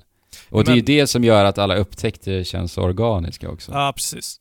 Mm. Så det är väl, verkligen ett speciellt spel alltså. Det, Yes, yes, yes. Zelda Game of the Year. Någon som har något sista att tillägga? Nej, det är, det är ganska givet tycker jag att det här hamnar på vår lista, för vi har gjort ett helt, eh, vad var det, typ två timmars avsnitt om just Zelda. Ja. Så vill ni höra mera Zelda-snack så finns det en po- podd, ett poddavsnitt Ja. om Zelda. Nu tycker jag att vi lämnar Zelda bakom Jag, oss och får går jag bara vidare. säga en sak? Får jag bara säga en sak till? Det är jättesnabbt. Det bästa av allt med det här spelet, det är att det absolut inte är ett perfekt spel någonstans. Och varför är det bästa med det? För att då har vi så mycket att se fram emot. De kan förbättra så mycket Ja, alltså nästa 3D Ja. Zelda. då, kom, då kommer jag, alltså då kommer vi kanske ha barn allihopa. Ja, precis. Nej men så att jag är ändå, det är ändå härlig känsla. Mm. Att det inte är eh, liksom perfekt på något sätt. Mm. Neo. Actionspel, Souls-inspirerat, samurajlir utav Team Ninja. Yes. Team Ninja är ju lite veteraner i genren får man väl ändå säga. Ja. Ja, de har ju skapat eh, Ninja Gaiden framförallt, som jag också håller väldigt varmt inom genren faktiskt. Mm. Eh, och det här spelet är ju ett actionspel med en enormt tuff utmaning. Och stjärnan av showen här är ju striderna. Ja. Det är fantastiska strider som har så otroligt mycket härliga timing-element i sig. Mm. Och, och då pratar jag om det här keypuls-systemet. Jag behöver inte gå in på det nu i, i detalj, men de som vet, vet vad jag pratar om. Det handlar om timing, helt Ja. enkelt. Eh, och det kräver liksom att du som spelare spelar väldigt så aktivt och fokuserat, Ja. vilket gör att jag blev så totalt indragen i de här striderna. Ja. Och eh, hur liksom alla system belönar ett så här eh, metodiskt tillvägagångssätt och väldigt precisa kombinationer hela tiden. Ja. Eh, och sen så är du ju så här väldigt flexibel och mobil. Så att det är ofta bra att du har slipade reaktioner så att säga. Mm. Så att du kan göra snabba undanmanövers till säkerhet och sådär. Och sen tillsammans med en fantastisk, perfekt egentligen responsiv spelkontroll så blir det här tillsammans med Bayonetta 2 ja. De bästa striderna jag har fått eh, nöjet av att avnjuta i något Mm. actionspel överhuvudtaget. Mm. Ja. Det, det är det som gör att jag tycker om det här spelet eh, så pass mycket som jag gör. Det här var Ja, ju också alltså ett av här- spelen som du hade på din eh, mest fram emot-sedda spel det här året. Och det är kul Ja, att exakt. det lyckades leva upp då, till skillnad från mitt spel då, Yooka-Laylee. Ja. Men det är ju det här som pikar mitt intresse verkligen. Att Mm. det, de bygger på Dark Souls, men de gör all sitt alldeles egna av det och fokuserar mest på striderna som inte är nödvändigtvis det som är 100% i fokus i Dark Souls-serien. Och de verkar göra det superbra. ja, de gör det så bra. Vet, vad, vet ni vad det här spelet påminner om? Det påminner om, påminner om ett fightingspel. Mm. Det, det finns alltså ett sånt enormt djup, men också så otroligt mycket utrymme i och med det att verkligen bemästra striderna liksom. Mm. Så att alltså, jag ser det ju egentligen lite som ett fightingspel på det sättet. Alltså jag, jag pratade ju om det när jag pratade om Nio, att, att jag typ hade nöjt mig med en arena och några fiender, och sen så ska vi bara strida tillsammans. Ja. Nej, kanske inte Nej. riktigt, men, men jag vill bara säga att striderna är liksom så jäkla bra alltså. ja. Och, och eh, det är också i och med det som gör att striderna aldrig tappar sin magi, för att det finns alltid förbättringsområden liksom. Mm. Eh, Så att det höll ju hela vägen. Det var ett ganska långt spel också liksom. Så det tog ju säkert 50-60 timmar att ta mig igenom. Har, har spelet släppts till PC än? Ja, Du har gjort det? Yes. PC och PS4 finns det till nu, så att eh, har du varit sugen på det här eh, och inte ägt en PS4 men äger en PC, ja men det tvekar inte. Det är ju fantastiskt. Alltså, jag... Det här är ett spel som jag måste spela någon gång. Ja, Känns jo, det men det är som. det. Men, men, ja. Tiden går. Mm. Jag vill ju spela allt nedladdningsbart material. Eh, vi får se hur det blir med den delen. Men det är det där med tiden också. Ja. Yeah. Dead Cells. Dead Cells. Jag pratade tidigare i det här avsnittet om att jag utgår lite från spel som jag börjar spela och sen verkligen inte kan sluta spela. Mm. Och Dead Cells var ett sånt spel och som jag fortfarande, alltså regelbundet tänker på att jag vill sätta mig ner och spela, spela det. Eh, Mm. Även fast det var flera månader sedan jag gjorde det senast. Mm. Men det är, jag, jag vill bara fortsätta spela det här spelet. Jag har ju spelat en he- hel del Dead Cells också. Vi började Ja. spela det i somras. Sen lånade du mitt Steam-konto och började lira det då också. Ja. Eh, jag plockade faktiskt upp det här för några veckor sedan för att se... Det här spelet ska sägas är ju släppt i Early Access också, det har inte släppts Ja. fullt ännu. Men vi Jo, men i Trekraften, på. vi i Trekraften anser ju att vi får ha med det här på en lista, för Absolut. spelet är släppt i år. Trots att Ingen inte, tvekan. Ja. Det där är bara larv att påstå att det inte har rätt att vara med. Mm. Tycker jag faktiskt. Alltså vadå? Du kan spela spelet. Ja. Eh, Och om du tycker att det är ett bra spel, det är klart du ska prata om det. det, här, det här tycker jag är ett av de mest välslipade Early Access-spelen jag någonsin har spelat, Ja. faktiskt. Och en av de mest välslipade 2D-action-spelen. Mm. Och ja, det en är av det de också. mest välslipade roguelite-spelen. Mm. Det här är ju alltså ett spel som går lite i eh, den här uh, genren som Metroidvania, som man alltid Ja. pratar om. Precis. Utvecklarna själva har ju sagt att han vill inte att det här ska bli kallat för Metroidvania. Mm. För han anser att det inte är ett Metroidvania.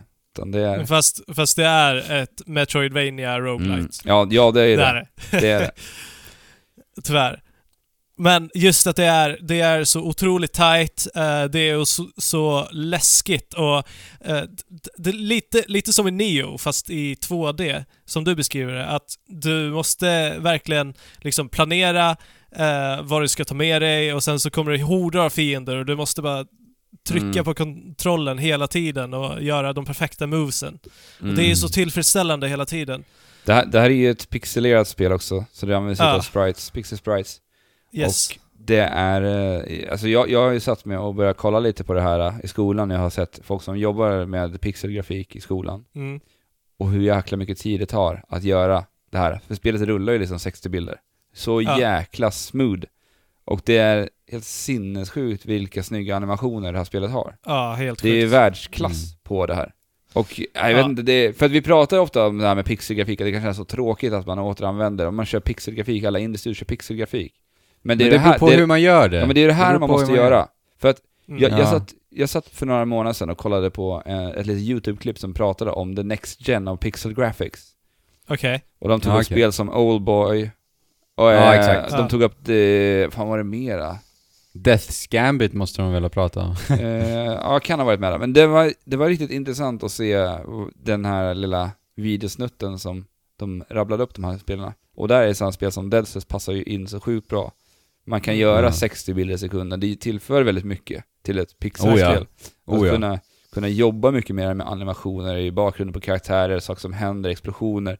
Vi har, Ja. Man, man tar till ändå den moderna tekniken och förbättrar pixelgrafiken så pass mycket Ja. att det Mm. blir Alltså pix- ett annat typ av lyft än det vi Ja. får se i så här enkla pixelgrafik där det rullar bara i så här 30 bilder i sekunden. Det Mm. kan jag tycka är rätt tråkigt idag. Man vill ju ha Ja, det här när man snackar pixelgrafik idag. Precis. Ja, jag håller helt Så, med dig. så Dead Cells eh, når upp till den standarden. Ja, absolut. Och på, tal, och på tal om det här att pres, prestanda är inte det mest essentiella idag. Mm. Alltså med pixelgrafik, jag, jag gillar när allting inte, alltså när det lämnar lite åt din fantasi. Hur skulle den här liksom se ut om den stod framför dig i 3D och på riktigt? Mm. Mm. Det har ju alltid uppskattats. Ja. Ja. Nej, ett skitbra spel som jag längtar efter att få spela när det fulla spelet är släppt. För att jag har ju... Ja, Jag har- drömmer ju dagligen om att en Switch-version ska bli utannonserad. samma här. Jag har inte spelat det här än, men jag är ganska övertygad om att jag kommer tycka om det. Eh, ja. Mm. Ja. Det kan bli, du har fortfarande inte fastnat för ett roguelite. Nej, Eller- precis. nej. Jag, jag hoppas ju att det här är det spelet som... Det, det kan jag nästan garantera alltså. Ja, Jag kan säga att jag vet att Anna kommer gilla det här spelet. Ja. då ser Jag ännu mer. För det var på samma sätt som jag kände att jag visste med Dark Souls att du skulle gilla det, känner jag... Och Monster Hunter. Ja, Mm. så Ja. kände jag att det här är ett spel för dig. Så, Ja. Kanske jag pratar om det eh, årets spel nästa år då, för då kanske det har släppts, eller hur? mm, Ja. det borde jag ha gjort. ja. Injustice 2. Mm, alltså, det är ju jag som har spelat det mest då. Vi, Ja, Ni har ju bara Ja. klämt lite grann på det här. precis. Eh, Osannolik eh, kandidat på listan, måste jag säga. eh, ja, men jag har ju en eh, stor förkärlek till just fightingspel. Mm. Jag drömmer ju ofta om att bli en duktig fightingspelare. ja. Eh, Det har du nämnt faktiskt i podden också. Ja, Ja, det, det låter nämnt. lite sorgligt när du säger det så. Ja men alltså grejen är att fightingspel, du måste spela det nästan varje dag för att hålla igång. Mm. Alltså för att hålla uppe reflexerna och det är så mycket som du måste liksom, du kan inte lämna det under en längre period för då kommer du ha tappat. Till en viss gräns när du liksom börjar sätta sig i eh, muskelminnet på det någonstans. Mm. Mm. Men eh, det som Injustice gör så jädrans bra är att, om man tittar på spel som Street Fighter 5 när det kom, det, var, det hade ett dåligt Ja. single player-läge, det hade Och- Mm. mycket som saknades i det spelet.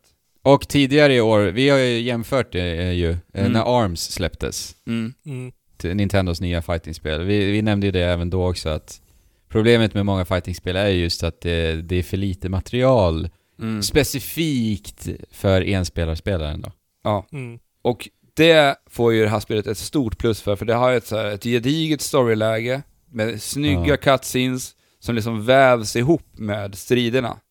Ja. Det går så sömlöst in i striderna och det ser skitsnyggt ut. ja, verkligen. Ja. Och eh, det har eh, ett annat single player-läge utöver det där du kan samla på dig en massa material så, till dina karaktärer, till dina hjältar då. Mm. Och Ja. så att du kan eh, liksom customisa dem precis hur du vill med olika färger och allt där till.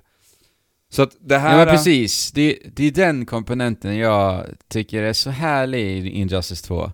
Mm. Och som jag vill se i vartenda jäkla fightingspel som finns. Alltså jag hade ju älskat om det här fanns i Street Fighter 5. ja! Alltså, och för att då hade jag kunnat suttit och nöta och nöta, för att det jobbiga med fightingspel för mig, Ja. när jag försöker att bli duktig på fightingspel, så hoppar jag Ja. online och så får jag stryk. Jag, Ja. kanske, jag kanske vinner två matcher, men vad händer sen Ja. då? Ja. Då får jag däng, match efter match efter match efter match. Och hur mår mitt självförtroende då? Hur mår, hur mår jag? Skit. ja, jag mår ju jättedåligt.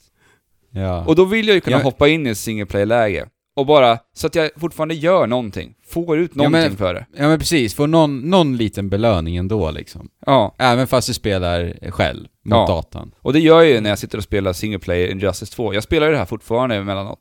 Och jag tycker att Ja. det är fortfarande lika bra. Och de Mm. har ju skött det jättebra med nya karaktärer som introduceras. Vi har fått se Hellboy, det kommer eh, Turtles, eh, Och, inte minst den nya då, vad hette han? eh, Atom tror jag han heter. Atom, Atom. Ja, Alltså vilken häftig karaktär alltså. ja, skitcool eh, hjälte som påminner liksom, det är väl DCs svar på Ant-Man egentligen. Ja. Mm. Han kan krympa sig och han kan förstora sig väldigt stor. Och sen, det här är ett fightingspel. ja, alltså när jag såg honom, då tänkte jag, varför har inget fightingspel tidigare gjort en sån här karaktär? Mm. Det, kände, det kändes så självklart. Det var Ja. så här, det här är ju hur coolt som helst och det öppnar upp för så jäkla spektakulära strider liksom. Ja, det, det ser riktigt kul ut. Så när han krymper så blir han bara som en liten lysande prick på skärmen. Ja, Mm. För man ska se vart man är. Det är Ja. riktigt coolt. Eh, skitcool alltså. Men det spelet också gör så oerhört bra, det är det här att, som jag sa, fighting-spel är väldigt svårt att lära sig, svårt att ta till sig. Men Injustice 2 tycker jag har ett bra kombosystem som är lätt Mm. att liksom ta till sig, lära sig. Och det gjorde att det var lätt för mig att inte lägga ner det. Mm. Mm. Jag kunde liksom hoppa in, jag kan fortfarande hoppa in och ha jäkligt roligt med det här spelet. Mm. Alltså jag undrar, jag spelade i Street Fighter 5 eh, jättemycket förra året. Mm. Jag bara kommer att tänka på det nu när vi pratar fightingspel. Jag undrar om jag kan spela min Rashid lika bra idag som sist. Självklart inte lika bra, men jag undrar om jag liksom ändå sitter kvar. någonstans... Ja, om det sitter kvar. Alltså det sitter ju kvar lite grann, men du måste ju säkert jobba, jobba fram lite ja, att, att ha det konsekvent hela tiden. Ja. Alltså typ motoriken, med hur du knappar och hur du trycker och det där, det där tror jag liksom man tappar lite grann. jo. För att du var ju rätt rapp i fingrarna när du gjorde dina Rashid-kombos. det, Ja. det spelet jag ju, de, de har ju utannonserat nytt eh, Street Fighter 5 med massa nya karaktärer. Det måste jag bara inflika med. Ser fram emot det jättemycket, jag vill hoppa in i Street Fighter 5 igen. Ja, ja, vi pratade ju lite om det förra veckan. Ja, eh, Eh, men eh, det jag tyckte också är lite ballt i Injustice, det är just det här att det tar ju delar av 3D fightingspel och 2D fightingspel och fusionerar det lite. Jag tänker ju framförallt då på det här hur vi kan jonglera Ja. i, med luften, med, fin, med motståndarna i luften och sådär. Mm. mm. Vilket är lite häftigt. Det tycker jag också, det är riktigt kul. Och inte nog med det så har de ju också det här systemet att du kan använda utav bakgrunden så att banorna spelar ju in i Ja, fighterna. Så du kan ju använda Mm. till exempel en, en hängande alligator och kasta den i huvudet på fienden. Så att Mm. det, det väger in mycket i vart du placerar dig hela tiden på banorna. Så Mm. det, det är så flera saker att tänka på Men just för att spelet ändå är så pass enkelt att ta sig till, så tycker jag att det här funkar så bra och det är ett svinbra fightingspel. Härligt. Coolt. Ska vi ta ett sista spel då innan vi packar ihop 2017, 16 tänkte jag säga. Eh, Super Mario Odyssey får det bli då. Mm. Jajamän. Ett fantastiskt nytt eh, litet Mario-spel. Litet Mario-spel. Mm. Det är väl ganska, ganska stort. Ganska stort. Vi måste väl ändå ha nämnt det här i varje avsnitt sen det släpptes nu nästan. Ja, jag tror det var. I, Ja. i, och med att, I och med att jag har speedrunnat Ja, så då, har- så då har vi i tror alla Ja, fall just det. nämnt det.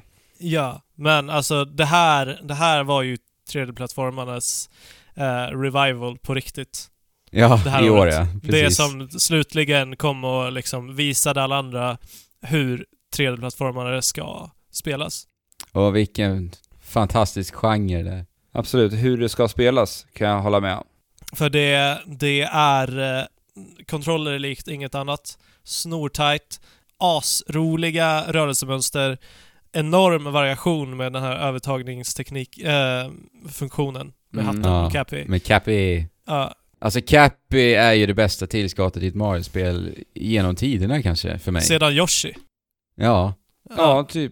Cappy är Super Mario Odyssey, så enkelt är det. Och, och det är just för att, eh, som du sa då med capture-mekaniken, att vi tar över fiender och roffar åt oss eh, deras rörelsemönster och alltihopa. Men sen är det ju Mm. också rörelsemönstren som han bidrar med till Mario. Och det är ju där hela min speedrunning-frälsning, eller vad ska jag säga, har växt liksom till Mm. liv. Och det är ju egentligen på grund av Cappy. Alltså hade jag inte kunnat göra det jag kan göra med Cappy, då hade ju inte det på några, några sätt varit så kul som jag tycker att det är. Ja. men skulle, skulle man inte kunna se det lite så att, att du spelar som Cappy? För Cappy sitter ju på Marios huvud och det måste Ja, betyda exakt. att eh, han tar över Mario. Ja, det Eller? är ju egentligen Cappys Odyssey då. Ja. Ja men det, det är ju det är ju Cappy som gör att det här spelet når plattforms magiska nivåer. ja. Alltså det, det är... Jag, jag, jag förstår ju, vissa eh, pratar ju om det här spelet som att det har ju inte den här briljanta plattformsnivådesignen och så? Nej, Nej, det har inte det. det men, har inte. men det här är inte den typen av Mario-spel. Alltså Nej, det, det är ju... Det är ett annat typ av Mario-spel. En ny tagning på det bara. De eh, Ja. test, Ja. testar det nytt. Och det är ju jättekul att se. Exakt, det är ju det vi tycker så mycket om med just Nintendo också väldigt mycket, att de faktiskt provar på nya saker. Mm. Mm. Och det gör de, det gör de med det här Mario-spelet. Och allting träffar inte fullträff. Men alltså grund, alltså kärnan i Super Mario Odyssey, det är en fullträff, skulle jag säga. Ja men exakt. Mm. Jag har lagt ner 120 timmar i, i ett Mario-spel. Mm. Ja. Ja, det säger en hel Det är del. galenskaper. Jag, jag kunde inte för mitt liv tro att jag skulle spela ett Mario-spel så länge. Nej. Mm. Ja, ditt, ditt, spel, ditt spelår överlag är väl kanske lite galenskaper kanske också. ja. ja men det, varför? Varf, varför är det det? Alltså det är väl för att kvaliteten på spelen jag har spelat i år har varit verkligen någonting speciellt. Ja. Mm. Jag, jag kan inte sluta spela de här bra spelen. Nej. Men eh, det har varit fantastiskt. Och, Ja. Nej men alltså genuina spelglädjen också i Odyssey. Alltså Ja, det, verkligen. det gick ju inte att sluta le liksom. Eh, när Nej. man spelar spelet. och så snyggt som det är. Det, ja. det, Ja. finns, det finns mycket att hylla Mario Odyssey för. Det här var ju också ett spel som jag pratade om att jag vaknade upp och tänkte på det på morgonen. Ja. Ja men exakt. Så, var- så var det för mig med. Så Pirr, pirr i magen lite sådär. Nu vill jag hoppa upp i sängen och kasta Jo. Cappy igen. Alltså det här är ju Ja. också en så här, för mig så är det mycket nostalgi kopplat till det här, alltså runt så här höst, alltså runt närmare julmånaderna och vintertid, att spela Mm. Mario, det är ju någonting så himla starkt kopplat till det så här genom livet. Man har ju spelat mycket Mario-spel runt Mm. julens Oh ja. tid och närmare julen. Och det är bara Mm. någonting så jädrans mysigt med det. Jo men det är det. Det Ja, jag För med om. mig väger det in så himla mycket. Det är perfekt månad att släppa Mario-spel på. Ja, och för att inte tala om hur otroligt mycket charm det här spelet också innehar. Jag tänker också på liksom hur, hur uttrycksfulla alla karaktärer är på ett sätt som vi aldrig har sett tidigare Mm. Ja. i Mario. Alltså det bidrar också till det här enorma myset ändå. Mm. Ja, ja, jag återupprepar mig när jag säger att eh, Mario har jag aldrig gillat, typ, alltså som karaktär. Varken designmässigt eller, eller liksom uttrycksmässigt. Men i det här spelet så lyckas han skärma mig till slut. Nu gillar du Mario Fabian. ja, jag gör väl det. Sen är det här spelet så äckligt polerat. Mm. Alltså det finns ju inga skavanker någonstans i mekaniken överhuvudtaget Nej. alltså. Nej, alltså det, det är sinnessjukt. Ja, det är sinnessjukt. Sen är det också ganska imponerande, jag tänker på det här med hur vi tar över fiender. Mm. Alltså egentligen så, så liksom förändras ju spelet totalt i och med att du får helt nya rörelsemönster. Mm. Men, men hur de har lyckats att få allting så, så simplistiskt och självklart ändå och aldrig överväldigande Mm. är ju ändå jäkligt imponerande också. Ska, vi, ska vi alla nämna våra favorit-captures? Oj, alltså den är ju svår alltså. Ja, Jag, kan tycker inte att den är svår. Ja, Jag säger Poki-fågeln då. Ja, den är, den är snornice. Jag gillar eh, den här bläckfisken, vad heter den? Gush? Ja, Gushen tror jag den heter va? Ja, något sånt. Ja, något sånt. Och pokerfågeln är den som pickar på väggen och hoppar. Ja, Ja, Ja. det är min också. ja. Den är så bra. Den är grym. Men sen tycker jag också om Wigglern. Oj, det är så mycket bra. Ja, den är så bra också. Ska vi fortsätta rabbla upp alla captures? Nej, Alla i hela nej det ska vi inte. Vi, vi nöjer oss där. Det var de absolut bästa. Ja, Tycker det jag. Ga- gafflarna, gafflarna i Luncheon Kingdom är fantastiska också. ja, det är ju ett måste ha-spel om du äger en Switch, såklart. Ja, Ja, så utan tvekan. Vill du ha kul liksom, då ska du spela Super Mario Odyssey. Mm. Vill du ha Ja. tråkigt, spela Snake Pass. Ja, precis. precis. Det beror på vad man vill ha ut av spel. Det var ett bra sätt att avsluta eh, 2017 Ja, Mm. på. Ja men kul hörni. Eh, det är nämligen så att förra veckans avsnitt så berättade vi också att vi hade en liten textkanal på våran Discord ju. Mm. jajamän. Eh, där vi då bad alla våra användare där att eh, nominera deras favoritspel 1 till 3 då. Mm. Och se vad, ble, vad blev liksom årets bästa spel på Discorden. Mm. Ja, Och vad har vi resultatet då Fabian, du som har räknat ihop det här? så här ser det ut. Att på femte plats Mm. kommer Persona 5. Ja, Persona det. 5, ja. Det var väl jag som spelade av oss va? Ja. Eh, ja. Trevligt. JRPG tyckte jag. Ja, Ja. gud vad du kämpade dig igenom det spelet. ja, det gjorde du. Oj oj oj. Där måste du känt den frustrationen som jag kände i Zelda. Eh, gånger 50 alltså. Mm. Nej det var för långt, för långt spel för sitt eget bästa tyckte jag faktiskt. Mm. Eh, men ändå trevligt. Och på fjärde plats Splatoon 2. Ja. Där, där blir jag lite glad. Mm. Ja. Det är härligt Mm. att se att flera tycker om det. Jo, alltså, men vi det är ju en- via discorden som du har samlat dina Splatooners med. ja, Väldigt mycket. jo precis. Mm. Vi har, har ju en textkanal där vi pratar, ja ganska ofta pratar vi ändå i, Ja. i den kanalen. Då kan vi ju outa lite nu då, om det har några Splatooners där ute som vill spela så det är bara att joina på discorden. Så kan ni Ja, vara med Andrew och alla hans eh, Splatoon-vänner och splatta. Ja. Jajamän. På tredje plats kommer Horizon Zero Dawn. Och det här är ett spel som inte ens vi har nämnt ännu. Nej, det har vi Nej. inte. Och det är helt och hållet för att enligt min mening så överskuggades det på eh, nästan alla punkter. Alla punkter förutom en Mm. av Zelda. Jo men precis, jag pratade ju om när vi pratade om Zelda där att det var ett spel som gjorde att det blev svårt för mig att spela andra spel och Mm. Horizon var ju det spelet som för mig fick ta en enorm jädra smäll där. Ja, jag förstår det. Jag spelade i alla fall Horizon innan jag la vantarna på Zelda. Mm. Ja, exakt. Exakt. och, och under den korta perioden däremellan så var Horizon Zero Dawn det absolut bästa Open World-spelet som jag har spelat. Inte för att det säger jättemycket, eftersom att jag avskyr Open World, men det säger ändå en hel del, för eh, de tog Open World och gjorde det inte lika liksom generellt, utan de, de hade en eh, liksom tight och eh, välpolerad actionmekanik, vilket Mm. inte brukar vara fallet i Open World-spel, utan Open World-spel brukar snarare vara uppbyggt så att eh, du kan liksom göra, du kanske kan göra tio olika saker Mm. Mm. totalt. Och sen så ska du, kan du göra dem tusen gånger om på olika ställen bara. Ja. Medan Horizon Zero Dawn ändå stadgades upp utav deras core gameplay. När, man, Ja. när du jagar de här stor, enorma monstren, Mm. robotarna. Nej, Jag, jag, jag vet inte, jag, jag ska inte vara för negativ mot Horizon för jag, jag förstår ju att det här är ett spel som många verkligen älskar, alltså totalälskar. Mm. det är jag vill ju inte spel. såga det nu i juletiden när alla ska vara så glada och mysiga och snälla mot varandra. men, nej men jag vill inte det, men det var verkligen inget spel som tog fäste hos mig överhuvudtaget. Och, och det var ju väldigt mycket på grund av Zelda tror jag, för att alltså, att gå från Zelda till Horizon, då blev Horizon bara ett Far Cry för mig. Mm, Det, det blev så, det. så otroligt tydligt bara det. Mm. Mm. Jo men det lider ju också, likt, likt Zelda, eh, av att det finns... Zelda gör det bättre eh, under liksom hela, eh, hela äventyret än vad Mm. Horizon Zero Dawn gör tycker jag. Men det finns fortfarande de här, de här symptomen av open world-spel Mm. som, som, ja, det är det jag avskyr. Ja.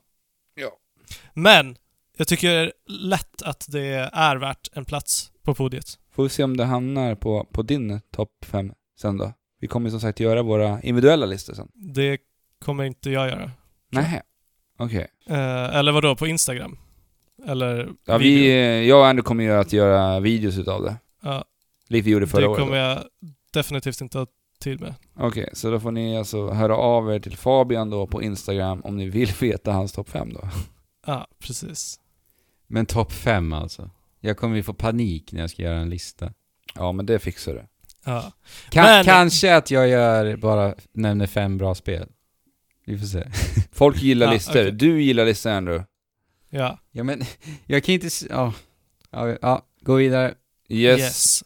På våran Discord så tycker de att på nummer två är Super Mario Odyssey. Mm. Ja, trevligt, Mm. trevligt. Ja, inte, inte jätteförvånande. Nej. Nej, det är det Och inte. ett då? Och det har vi precis snackat om. Så att Ja. på första plats är det Zelda och det är inte heller så förvånande. Och det vann med eh, nästan dubbelt så mycket poäng som andra platsen. Är det så? Mm. Ja. Ja, det är så att det var mycket Zelda Breath of the Wild där. Ja. Jag, jag tycker det är så himla intressant när man tittar på den här topplistan och ser att det är tre stycken Nintendo-titlar på den här. Det är Mm. också debutåret för en konsol. Som vi också har hyllat Mm. i avsnittet. Och det är ett Nintendo som brukar vara väldigt klumpiga i sina lanseringar och hur de tänker rent marknadsföringsmässigt. Mm. Ja. Men eh, vilket år Nintendo ändå har gjort och hur i helskotta ska de kunna toppa det här nästa år? Ja, det Eh. är den stora frågan. Ja, det, alltså jag kan säga så här, Nintendo, de kommer inte toppa det. Absolut inte. Det, det, det finns ingen chans. Men om switchen toppar eller inte, det, det vet vi inte. Alltså det beror ju på liksom vad vi ser, om vi ser tredjepartsutvecklare. Eh, Fast å andra sidan känns det kanske lite för tidigt nästa år då. Vi, vi får se, alltså det... Jag tror ändå att switchen kan ha ett bra år nästa år, men just Nintendo kommer absolut inte. Nej men det är, så, Nej. det är så viktigt att Nintendo det. ändå på något sätt upprätthåller någon kvalitet från deras håll och faktiskt släpper viktiga titlar. Från- Oh ja. För att an, annars, annars så kan det bli det här äh, platta fallet igen. Och det vill vi ju Ja. inte se, för att det här vill man ju gärna se leva ett par år till. Mm. Och nu ligger ju liksom bollen lite hos Nintendo, men vi vet ju att vi har många tredjepartsutvecklare på tåget redan. Ja, Mm. Men vi behöver fortfarande lite svar på saker och ting, hur online ska funka på ett smidigare sätt. Till exempel den här lösningen de har just nu är ju Nej, Ja, det funkar lite inte. sådär. nej det, det funkar inte nej. Så, Nej, alltså out of the question. ja. De har ju mycket att bevisa nu i januari. Eh, när har de. Nintendo Direct kommer, för det, det kommer ju. Det är alltså, det är ju inte officiellt, men det är väl klart att det kommer. ja, Ja. det måste. Jajamän, vilket år vi har haft gubbar. Ja, Mm. alltså. Det är så här, när jag tittar på mina spel jag klarar att jag har inte ens nämnt Steam World Dig 2. Jag har Nej, inte ens precis. nämnt Cuphead. Nej. Nej, det jag finns ju- många spel att nämna. Men sen har ju vi också haft ett ganska spännande år. Vi som Trekraften. Det har ju hänt väldigt Ja. mycket i, för oss Ja. också. ja men det har det. Alltså hela, hela det här året som började med att vi besökte Bergsala för att få klämma på switchen in, en månad Ja. innan release. Det Ja. var ju Ja. som rena barn, barndomsdrömmen som gick i eh, Ja. uppfyllelse. Ja, åka ner dit. Det finns ju att kika på YouTube när vi var där. Ja. Om ni vill se Trekraften som små barn. Mm. Ja. Ja, det var jättekul. Verkligen. Mm. Ja. Och kort därefter så fick ju du och jag, Fabian, eh, dra oss iväg på ett litet Horizon Zero Dawn-event ju. ja, just det. Och intervjua Jan, Jan Bart van Beek. Exakt. Som, Som- är eh, Art Director, visst var han så? Ja. Ja. Lead Mm. Art Director. Precis. Tror Men eh, vi fick också prova på att coacha de här eh, i Overwatch. Ja, just ja. Det var Just riktigt det. kul faktiskt att prova på Ja, det det. var kul. Eh, de Mm. hade ju någon konferens, de här eh, som då kom från, vad var det nu? Studiefrämjande. Studie, Ja, precis. Studiefrämjandet och coachade dem i Overwatch. Ja. Mm. Där ni två agerade Overwatch-coacher. ja, det var riktigt Ja just det, det var ju vi två ja. Ja, och jag Du var ju kameraman. kameraman. För det finns ju också Ja. på YouTube. Exakt. Ja, jag skulle gärna göra någonting sånt igen. För att, alltså, jag var ju inte professionell. Nej. Alltså, det var ju första gången jag gjorde något liknande, men... eh, Det är ju eh, samma här. Men huvudsaken, är kul. att, huvudsaken är att de var nöjda. Ja, Sen fick ju jag möjligheten att eh, resa till Befestas kontor i London.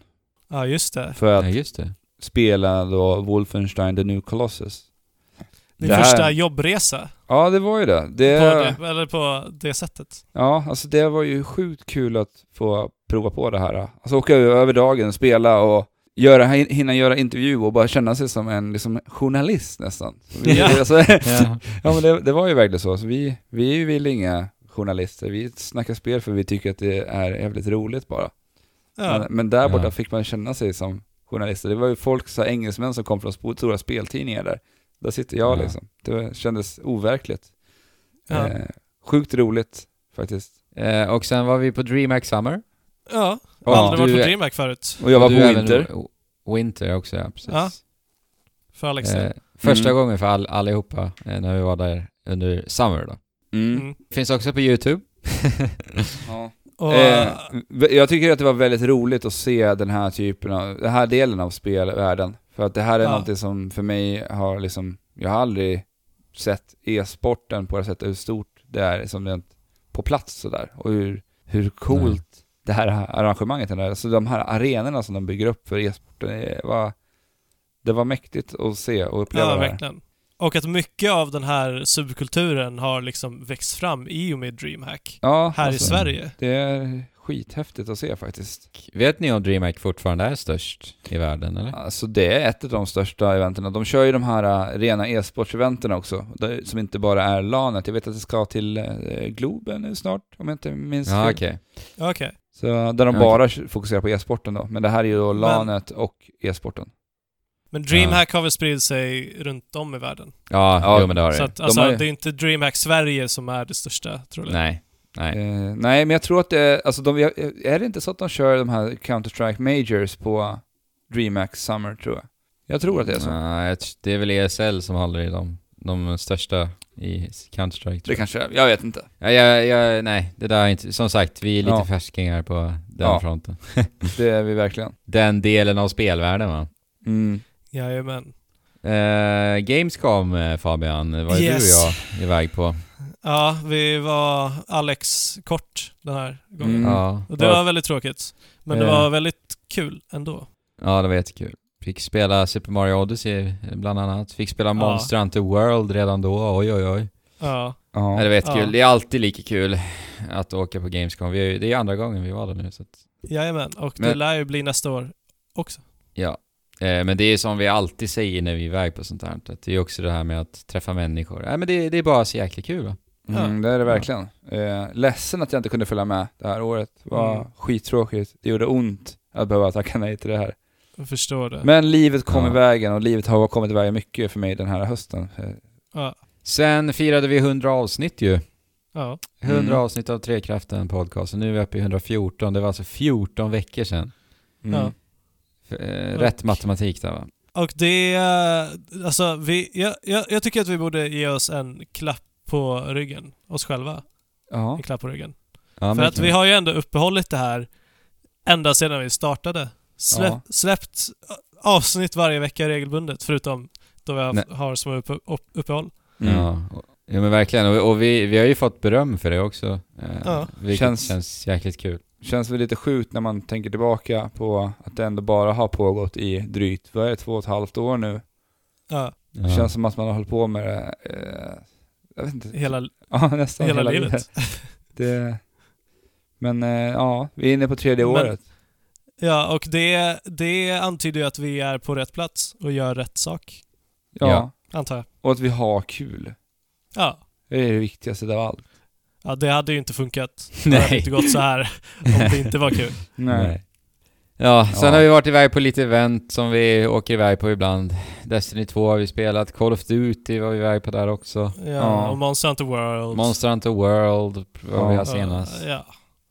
Och Alex, du ju, befinner ju dig i Blekinge nu så du har ju dessvärre inte kunnat vara med på dem. Nej, jag var ju på Retrospelsmässan i Malmö för att se hur Ja, det, just det. det. var ju det. Men eh, alla dessa event hålls ju i Stockholm i stort sett, så det blir ju en jädrans bit att åka. Ja. I så fall skulle Ja. jag då behöva skapa mig en robot med hjälp av Fabian som jag skulle kunna fjärrstyra via datorn med ett Ja. VR-headset på mig. Typ. Ja, Ja. okej. Ja, men det var en Tänker jag. bättre idé än dina kloner. Ja, det, för Ja. klonerna är ju lite riskabelt. Vi pratade om att man skulle klona sig själv och placera ut sina kloner.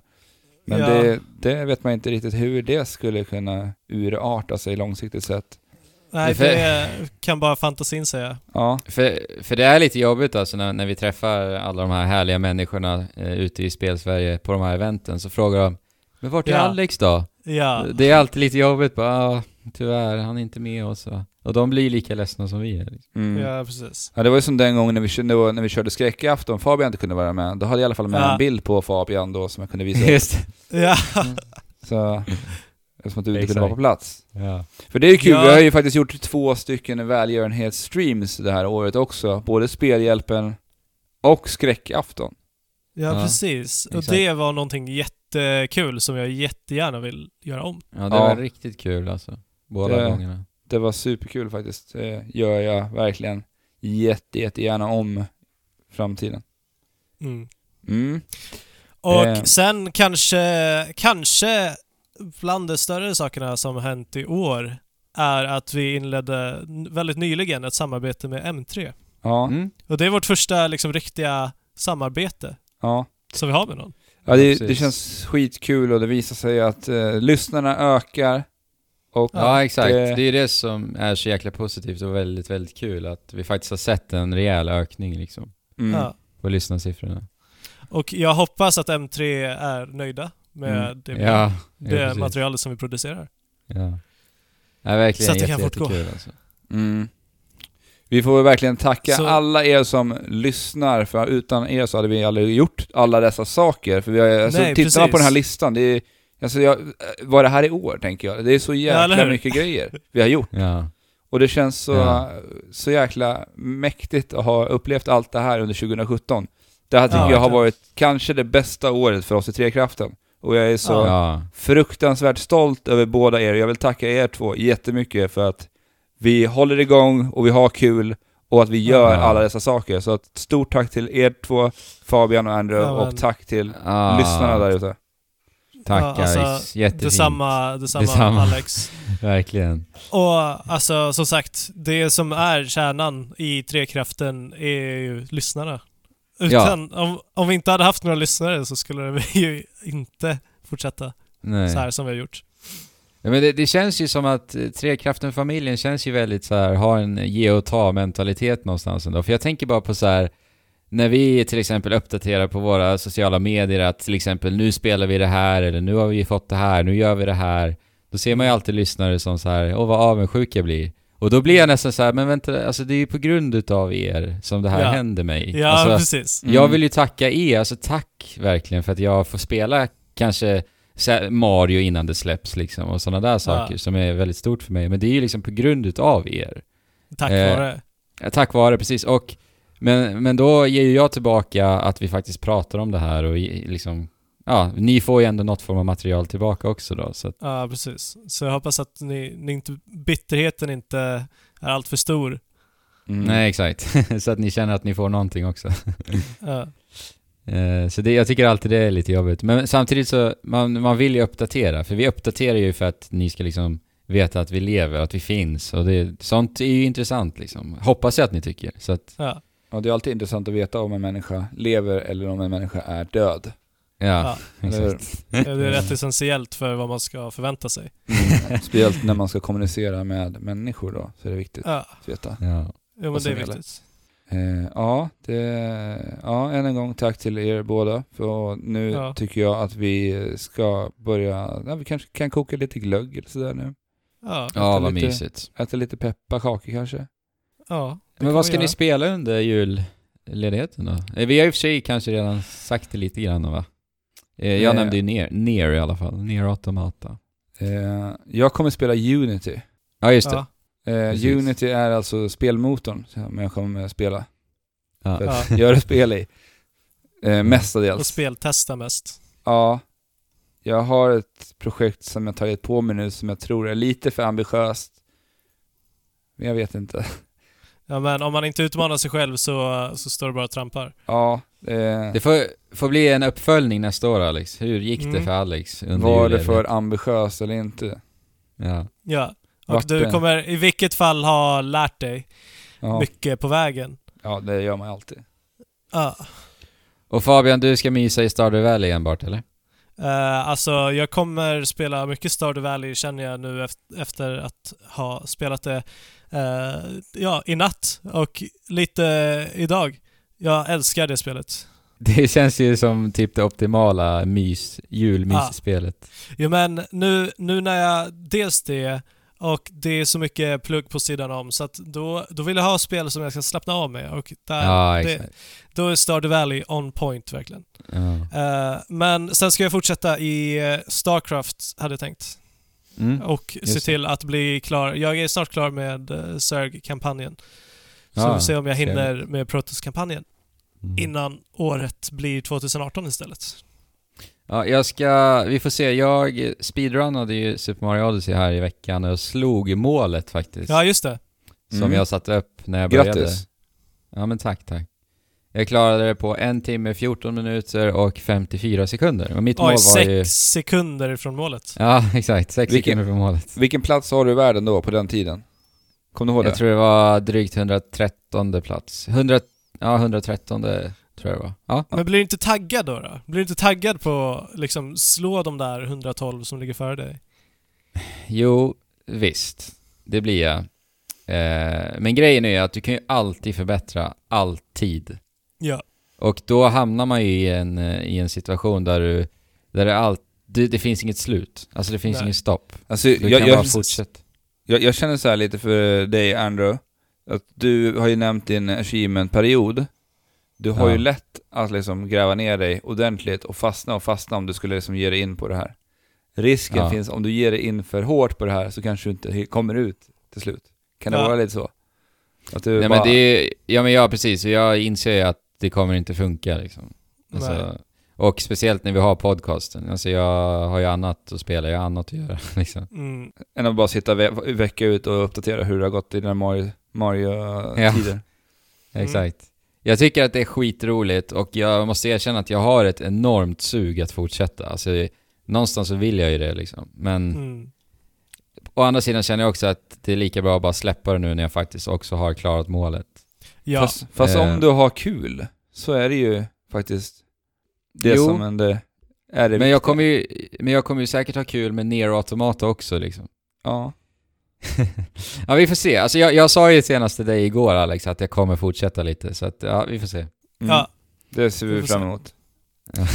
Eh, Ja. Ett tips till, eh, till lyssnarna som har PS4 men som inte har kunnat prioritera att köpa PS Plus nu i juletider så kommer alla Playstation 4-ägare kunna spela Monster Hunter World under julen. Det är sant. Just det. Ja. Alltså jag la typ mina Ja, sista pengar den här månaden på att köpa ett jävla PS Plus för att jag...